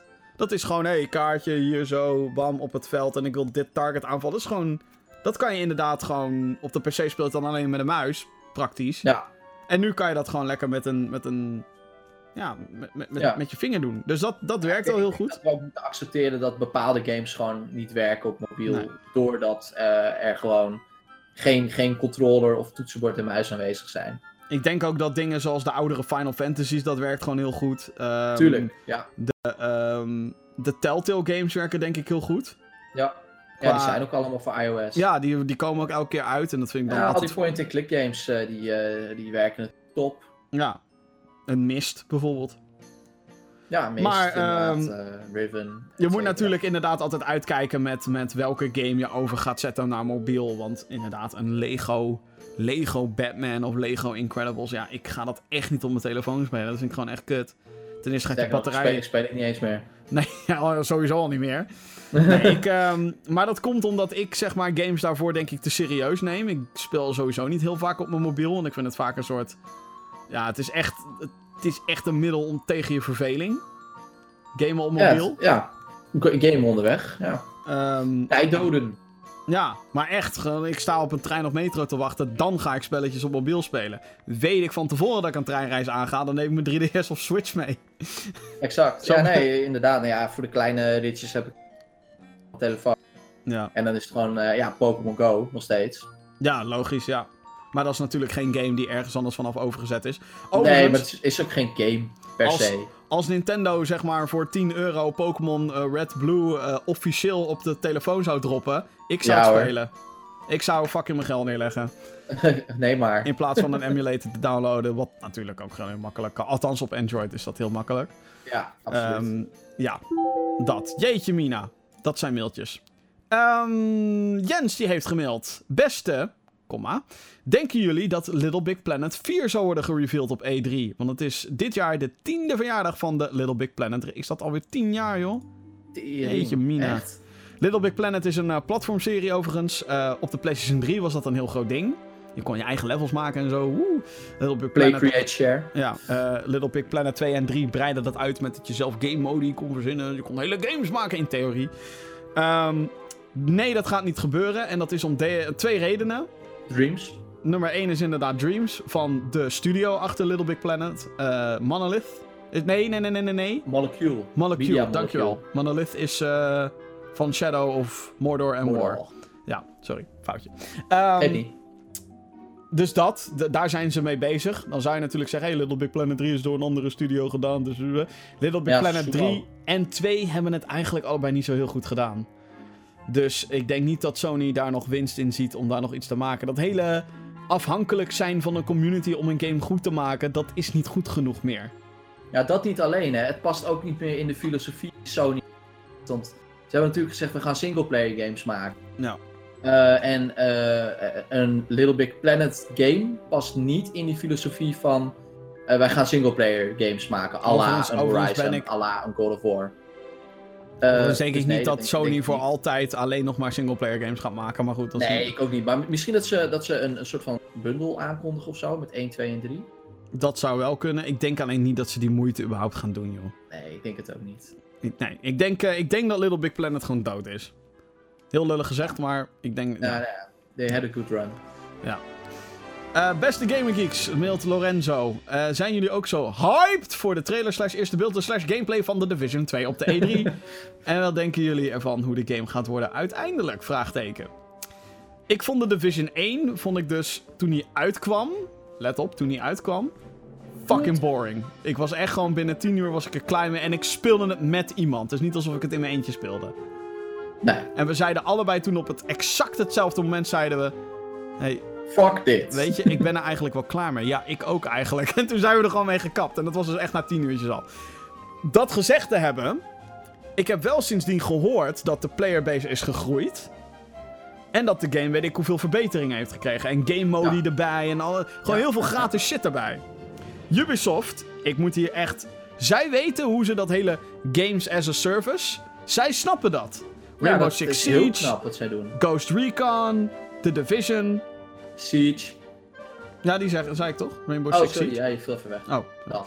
Ehm, dus in die zin denk ik dat Division 2 al vet gaat worden. En de Division 1 had eigenlijk al een hele interessante. Oh jee, daar komt hij. Battle, Royale, Royale. mode met de Dark Zone. Ja. Fuck me, als ze dat verbeteren. Yeah, bring it. Ik, ik, ik heb er wel vertrouwen in dat dit een, vet, een vette game gaat worden. Ik hoop dat ze ehm, flink geleerd hebben van deel 1. Ehm, maar ik heb er wel vertrouwen in op de een of andere manier. En dat Ja, komt nee, gewoon door, wel. door de goodwill die ze nu eh, bij mij hebben opgebouwd. Met de positieve berichten over. Zelfs een For Honor, zeg maar. Ja, wordt ook nog ondersteund. Wat, wat echt niet mijn ding is. En daar ben ik achter gekomen dankzij die beta. En wat ook bij launch echt fucking kut was. Het schijnt nog gewoon een playerbase te hebben. Want anders hadden ze die game al lang gedropt. Maar nee hoor, nu zijn we bij seizoen 6 al. Qua competitive play en zo. En updates. Ja. Nee, ik, eh, ik ben best wel laat ingestapt met eh, de Division destijds. Eh, want ik geloofde het allemaal. Iedereen wilde het gaan kopen en iedereen ging het spelen. En toen dacht ik, ja, dat gaat niet gebeuren. Eindstand was iedereen het aan het spelen en had iedereen het gekocht en ik niet. Eh, toen heb ik een keer in een aanbieding of zo bij, bij de, bij de Intertoys eh, heb ik dat spel gekocht. En toen ben ik daar ingedoken met, eh, met twee vrienden. En eh, ik heb daar echt best wel wat, eh, wat leuke avonden mee gehad. Alleen een van de, van de dingen die echt een probleem was aan de Division. Op een gegeven moment kwam bij die high eh, missions. Mhm. Op een gegeven moment zaten we in een of ander soort van kantoorgebouw met z'n drieën. En er kwamen drie van die gigantische units op ons af. En echt alles gewoon volgepompt. En ze gingen maar niet dood. En we hadden geen ammo meer. Dus we hadden echt zoiets Ja, dat was. d- daar Dat zijn dingen die ze wel echt moeten oplossen. Ja, dat zijn inderdaad. eh, en dat, volgens mij heeft Destiny last van hetzelfde trouwens. Meer health geven aan een vijand is geen uitdaging. Dat is fucking boring. Dat is ook een van de redenen waarom ik trouwens stopte op de deur met de Division. Want ik had zoiets van, ja, ik ben nou Ik heb nou inderdaad al 150 kogels in een gast met een hoodie gepompt en hij valt nog niet. Hoe de fuck kan dit? Nou, dit waren wel echt die big hoes, zeg maar. Maar Oh. alsnog. Ja, ik, ja, ik Ik hoop had gewoon gewoon dat geen ze- ammo meer. geen ammo. Alle drie niet. Ja, dan ben je fucked. Ja, Ja. fuck. Nou ja, dus zaten we te schuilen, want we gingen ook niet dood. Eh, maar dan is je spel dus eigenlijk gewoon, de zaakjes, stuk. Ja. Ja. Ja, ik ben benieuwd hoe ze, hoe ze dat inderdaad gaan oplossen. Ik heb er wel ergens vertrouwen in. Ik heb ook wel zin in. Ja. Nog een mailtje eh, van Yassine. Zeg ik dat goed? Zouden jullie het tof vinden als Super Smash Bros. weer een actie doet dat je mag stemmen op een personage en degene met de meeste stemmen wint, zoals bij Ja. Bayonetta op de Nintendo Wii U en 3DS? Had ik heel tof gevonden, alleen eh, het is een beetje late in de game om te introduceren, dus dat gaan ze niet doen. Dat was die Smash Bros. Dojo, wat ze toen hadden. Ja. Dat was super tof.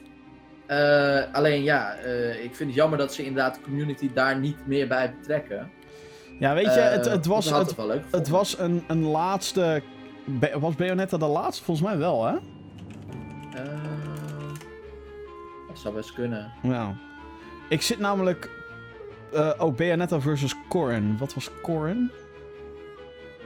Ik zit nou inderdaad te kijken, want de tweede vraag was... ehm, eh, eh, op wie hadden jullie de vorige keer gestemd? Ja, sowieso stem je dan op Bayonetta. De. Bayonetta is fucking awesome. maar... Oh nee, wacht. Dit is gewoon gameplay. Corrin is gewoon een character. Kut. Ehm, ik weet niet wie dat andere character meer was die ze erin wilden stoppen. Dus... Ik zou ik het ook niet, eigenlijk het is weten. echt te lang geleden. En ik had sowieso Maar- gestemd op eh, Bayonetta. Ja, maar het is sowieso... Waarom moet je stemmen? Waarom drop je gewoon niet beide characters erin? Ja, nou ja, ik, ik snap wel waarom je moet stemmen. Dat is natuurlijk gewoon om je community het idee te geven dat ze echt betrokken zijn bij, bij de game. Ja. Eh, en dat is leuk. En dat had ik inderdaad nu ook graag gezien. Eh, Ja. Vooral omdat ik, omdat ik bepaalde wensen heb. Eh, maar ja, fuck it. Maar volgens mij kon je eerst die game toch... is af, dus... Volgens mij kon je toch eerst zelf... ehm hoe heet het? Zelf zeg maar characters insturen. En op basis daarvan gingen ze... Ja, er werd een soort van shortlist gemaakt. En eh, op basis daarvan werd er geloot. Ja. Ja, super tof. Dat moeten ze vaker doen. Ook bij andere... Bij andere eh, Nou, ik denk, ik denk dat het game design-wise gewoon beter is als zij zelf een keuze maken. Tuurlijk moet je de fans pleasen. Maar... Ja, eh... Ik bedoel, Ja. de, de, de community maakt niet altijd de juiste keuze. Dat klinkt kaart om te zeggen. Zeker omdat ik natuurlijk nu iemand ben die zegt... Oh, fuck, fuck Call of Duty met hun... Geen singleplayer erin, bla bla bla bla. Maar... Ehm, kijk, uiteindelijk... En dat is een beetje eh, eh, het tricky hiervan... Het maakt niet uit welk character daarin gewonnen had. Ik denk dat heel veel mensen alsnog dat character... Want het was DLC, laten we dat ook even eh, ja, duidelijk ja, ja. stellen. Heel veel mensen hadden dat gewoon gehaald. En ongeacht welk character het zou zijn. Dus Ja, in die zin denk klopt. ik van ja, het, het zal wel, weet je wel. Eh, ja. Nu we toch ehm, ehm, hier weer op, op het hele Smash gebeuren zijn aangekomen. Welke character wil jij zien, eh, Johan? Is er, is er een favo waarvan jij zegt, nou, drop die erin? ja, ik heb, ik heb natuurlijk voor de grap gezegd Goku. Maar die meen je ook Weten, gewoon. wetende dat dat nooit gaat gebeuren. Nou ja, je weet het niet. Nee, nee. Eh, ah, jezus, ik weet het niet. Ik weet, weet het echt niet zo snel. Nou, dan drop ik er twee. Eh, Shovel Knight. En, eh fuck, wat was die tweede? Beautiful Joe, Beautiful. Oh, wat een goeie. dat lijkt me tof. Maar ja, die, die dude is dood. Ja, maar ja, eh, de Ice Climbers waren ook dood. Eh, dat is waar, dat is Ja. waar. Dus, Ja, ik, eh, ik zit even te kijken bij mijn Nintendo games. Nee, Crash Bandicoot zou ik dus heel interessant vinden. Nou, dat is wel, dat is wel een grappig. eh, Dan heb je een soort van... Zo'n Okami, die wolf of zo. Oh ja, dat zou ook wel cool zijn. Zitten we weer in de Capcom hoek. Ja, Eh, sorry, ik, eh, ik weet niet wat ik daar doe. ik zit echt de hele tijd met Shovel Knight in mijn kop. Maar dat komt omdat die guy gewoon zo awesome is. Ehm hmm. Geen idee. Ik weet het ook niet. Ja, ukulele had ik ook tof gevonden, maar dat zei ik vorige keer ook al. Oh ja, Banjo-Kazooie. Ja, nou ja. Oh ja, dit is misschien kan wel... niet. Minecraft Steve. Oh ja. dat zou ik dan wel... Ja, ik weet niet hoeveel moves je aan zo'n Minecraft character kan geven. Maar het is wel... Qua Nou, Game het is Legends. met die andere, dus eh, hè. Simon Belmont uit fucking Castlevania. Oké. Drop die erin. Fucking awesome. Oké, dat zou ik fucking lauw vinden. Ke- Simon Belmont uit Castlevania. Daar gaat mijn stem naartoe. Ja, ook na Shovel Knight. Ja, kom man. Ik, eh, ik- ja, ik, ik, blijf, ik blijf voor Goku, maar als het dan toch worden of een, een, een niet-Nintendo-personage, dan eh zou ik Beautiful Joe wel heel tof vinden. En qua Nintendo-personage, douw Dixie Kong er nou eens in, jongens. Jezus, dat is wat gewoon wat iedereen wil. Gewoon al die Kongs moeten eigenlijk gewoon speelbaar zijn, toch? Ja, behalve Kiddy Kong. Volgens mij haat iedereen Kiddy Kong. Ja, en Funky hoeven ze voor mij ook niet te doen hoor. Funky, Funky Kong. Jee. Dat hoeft niet. We gaan het zien. Eh, Oké, tot zover de mail. Bedankt voor eh, jullie mailtjes, Tot. jongens. Eh at gamergeeks.nl. Dus als jij vragen hebt voor de show de hele week, kan je daar naartoe mailen. Gaan we nog even snel door de releases heen. Want de aankomende week komen er weer een aantal games uit. Als eerste Mega Man Legacy Collection en Mega Man Legacy Collection 2, 22 mei voor de Nintendo Switch. Het zijn gewoon de 8-bit eh, Mega Man games. En, eh, van, of nee, niet alleen de 8-bit. Hoor mij nou. Pff. Gewoon Mega Man Ook 1, de 2, 3, 4, 5, 6, 7, 16-bit. 8, 9, 10. Eh, maar dan opgesplitst in twee. Volgens mij is het Delen, 1 ja. tot en met 6 is Mega Man Legacy Collection 1. Dat waren alle NES games. En dan 7, 8, 9, 10 is eh, Collection, Legacy Collection 2. Ja. Heb ik stiekem... Maar wordt dit uitgebracht als één ding of zijn dit gewoon twee losse collecties? Eh, je kan ze los digitaal kopen. En ik weet Ja, dat ja. in Amerika komen ze fysiek uit. Als in één van de twee staat dan op de cartridge en dan moet je de andere downloaden. Waarom dat dan weer is, geen idee. Oh ja, het is Fucking niet, eh, bullshit. ja, ik weet wel waarom dat is. Omdat die kaartjes fucking duur worden dan anders. Ja, hoezo? We hebben hier te maken met een fucking... Met NES games, hè? Ja, I know, maar Nintendo heeft daar hele aparte regeltjes voor. eh, Echt? Trust me. Ah, Ja, kut. Oh ja, jij weet dat soort dingen natuurlijk. ja inmiddels wel. Werkzaam in de industrie. Ik zie hem ook niet op bol.com verschijnen, die eh, Legacy Collection. Dus ik denk niet dat die fysiek in Europa uitkomt. Nee, nou, dat zal wel niemand... eh, Wist je trouwens dat Little Nightmares inmiddels op de Switch is, jongens? Ga die game eens een keer spelen. Ja, deze week toch? Ja, is hij uitgekomen. Ja, ja, ja hij, is, hij is al uit. De Complete Edition. Ja, te gek. Nee, ik, eh, ik kan geen eh, Switch-versie eh, vinden in de, een paar Nederlandse retails. Dus dat wordt een digitaaltje. Oké, oké, oké. Switch is Ja, natuurlijk... voor, de, voor, de, voor het vorige platform zijn ze wel Ja, voor PS4, Xbox One hebben ze inderdaad dat wel gedaan, ja. apart. Eh, hier op mijn releaselijst staat ook State of Decay 2. De zombie game waar ik het al eerder over had. Omdat de Windows Store fucking kut is. Maar goed, daar, daar verschijnt hij wel op. En de Xbox One natuurlijk. Uiteraard. Met Xbox One X Enhanced. Woe! En natuurlijk eh, crossplay world premiere. Bla bla bla. Blablabla. Space Hulk Deathwing komt op 22 mei uit. Is dit een gevalletje uit Early Access of een PS4 release of zo? Ik denk het wel eigenlijk. Het zou je denk ik gaan om de Enhanced Edition. Van wat ik nu zie. Space Hulk? Even kijken. Dat fuck is Space Hulk? Space Hulk Deathwing. Eh krijgbaar vanaf eh, 22 mei. Het gaat hier inderdaad om de PS4 versie. Welke game was dit ook weer? Het is weer zo'n Warhammer 40.000, eh weet ik het allemaal. Eh, is dit die wat ik denk dat het is? Is dit die Left 4 Dead-achtige game? Ja, het is die Left 4 Dead. Het is Left 4 Dead in de Warhammer 40k universe. Cool. Lachen. Dan ook op 22 mei, dus een hele drukke dag. Ancestors Legacy. Hier weet ik Daar ben ik wel nieuwsgierig naar. eh. Oh, wat, wat is het dan? Eh, nou, ik heb hem, eh, ik heb hem niet toevallig. Oh, wacht. Hè, je hebt hem al. Wat? Wait, Ik- what? Oh, Ik laat al. even de hoed. Je hebt hem al, joh. Ja. Ja, we hebben, eh, we hebben een- van, een, eh, van een, Duitse, een Duitse partner hebben we hem gekregen. Oh. Of heb ik hem gekregen. Dus eh, Oh, ja, jij wat bent- het tof is... is Jij bent weer zo'n motherfucker met connecties natuurlijk. Ik, ik wist niet eens dat ze mee zouden nemen. Oh. Eh, maar wat het tof is, is dit is de tweede game van Destructive Creations. Oké. Dan denk je van welke studio is dat ook alweer? Dat is Hatred! de studio die het gehate Hatred heeft gemaakt. Nee, joh. Oké. En die maakt nu een, eh, een eh, strategy game. Oké. Ja, me- in een soort van eh ja, viking-achtig tijdperk. Nou, oké. Ziet er wel tof uit. Color ik heb me. hem vorig jaar op Gamescom gespeeld op de Xbox One. Werkte verrassend goed voor een strategy game. Eh, ik ben wel benieuwd. Ik wil deze wel proberen. Het zag wel tof uit. En eh Age is er nog niet, hè, dus eh, je moet wat. Ja. Color me intrigued in ieder geval. Cool.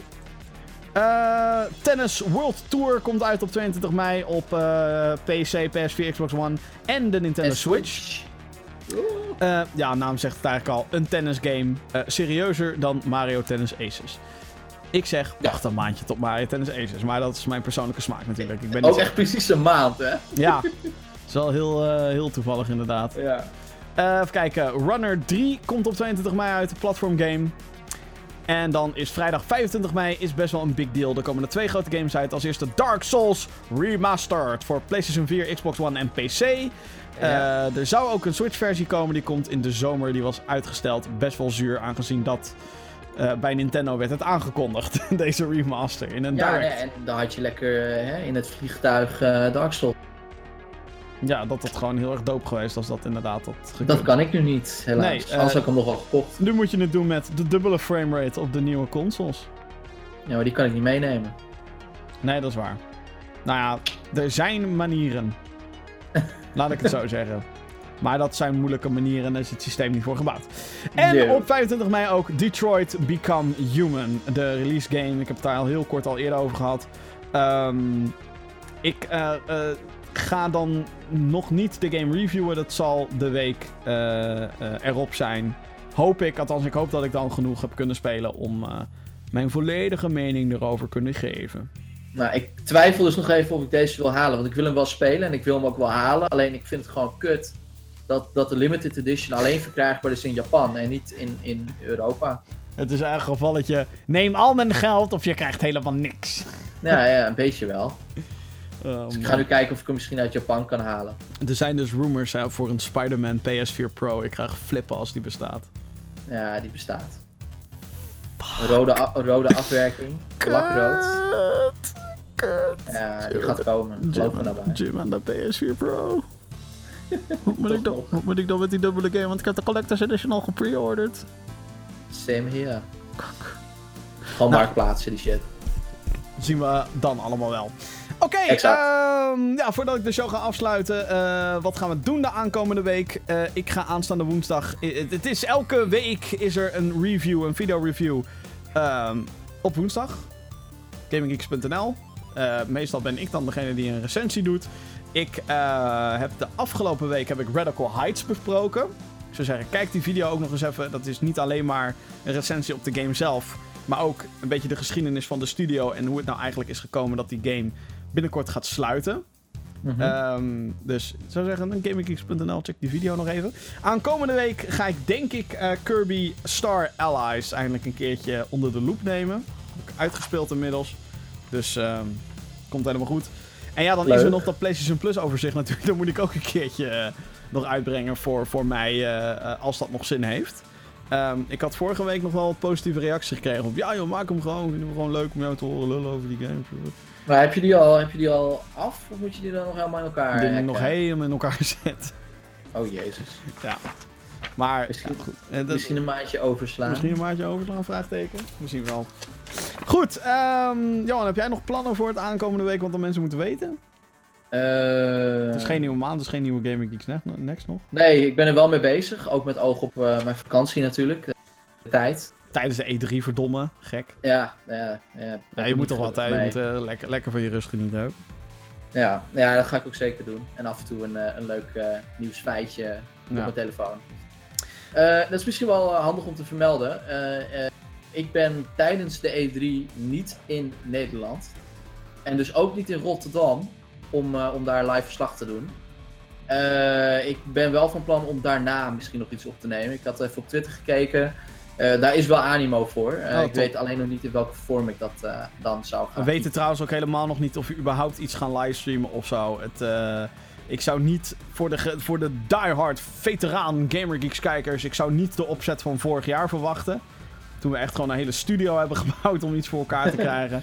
Ehm, maar goed, wie weet doe ik gewoon een streampje aan met een webcam om mijn, om, om, mijn- om mijn bakkes en eh, zien we het Je bent toch aan het kijken. hè? Daarom. Dus, eh, en als er dan mensen zijn die mee willen kletsen eh, op de Gaming Geeks Discord ook en zo, why not? Weet je al? Altijd Ehm, leuk. Dus, maar goed, da- daarover eh, eh, dat. Eh, en eh, nog een huishoudelijke mededeling. Ik weet niet of er volgende week een podcast is. Ik eh, ben dan namelijk zelf ook een weekendje Pleiton. Oeh, ga je heen? Eh, eh, een weekendje België. Ja, dat is ook niet heel ver van huis. Maar België. wel gewoon even, eh, ja, even, even, even weg. Leuk. Ehm, dus dat, ouders 40 jaar getrouwd, dat soort dingen. Allee zeg, 40 Allee, jaar. dat je aan eh, heerlijke feesten en dat soort dingen. Het is Lekker daar, het is daar fijne feestdagen in Pil- België. Pilske. Ja. Leuk. Excuses aan, alle, aan alle Belgen die luisteren, dan wel kijken. Eh, goed, ja, eh, dames en heren, dat was hem. De Gamer Geeks podcast voor deze week. Hou onze Twitter in de gaten, GamerGeeksNL. Facebook, GamerGeeksNL. eh alle social media eigenlijk, GamerGeeksNL. Eh follow ons Twitch kanaal, GamerGeeks Live is dat. youtube.com slash GamerGeeksNL. En voor alle laatste nieuws, video's en updates, www.gamergeeks.nl. Dames en heren, bedankt voor het kijken en wel luisteren. En tot de volgende. Yes, tot de volgende. Later.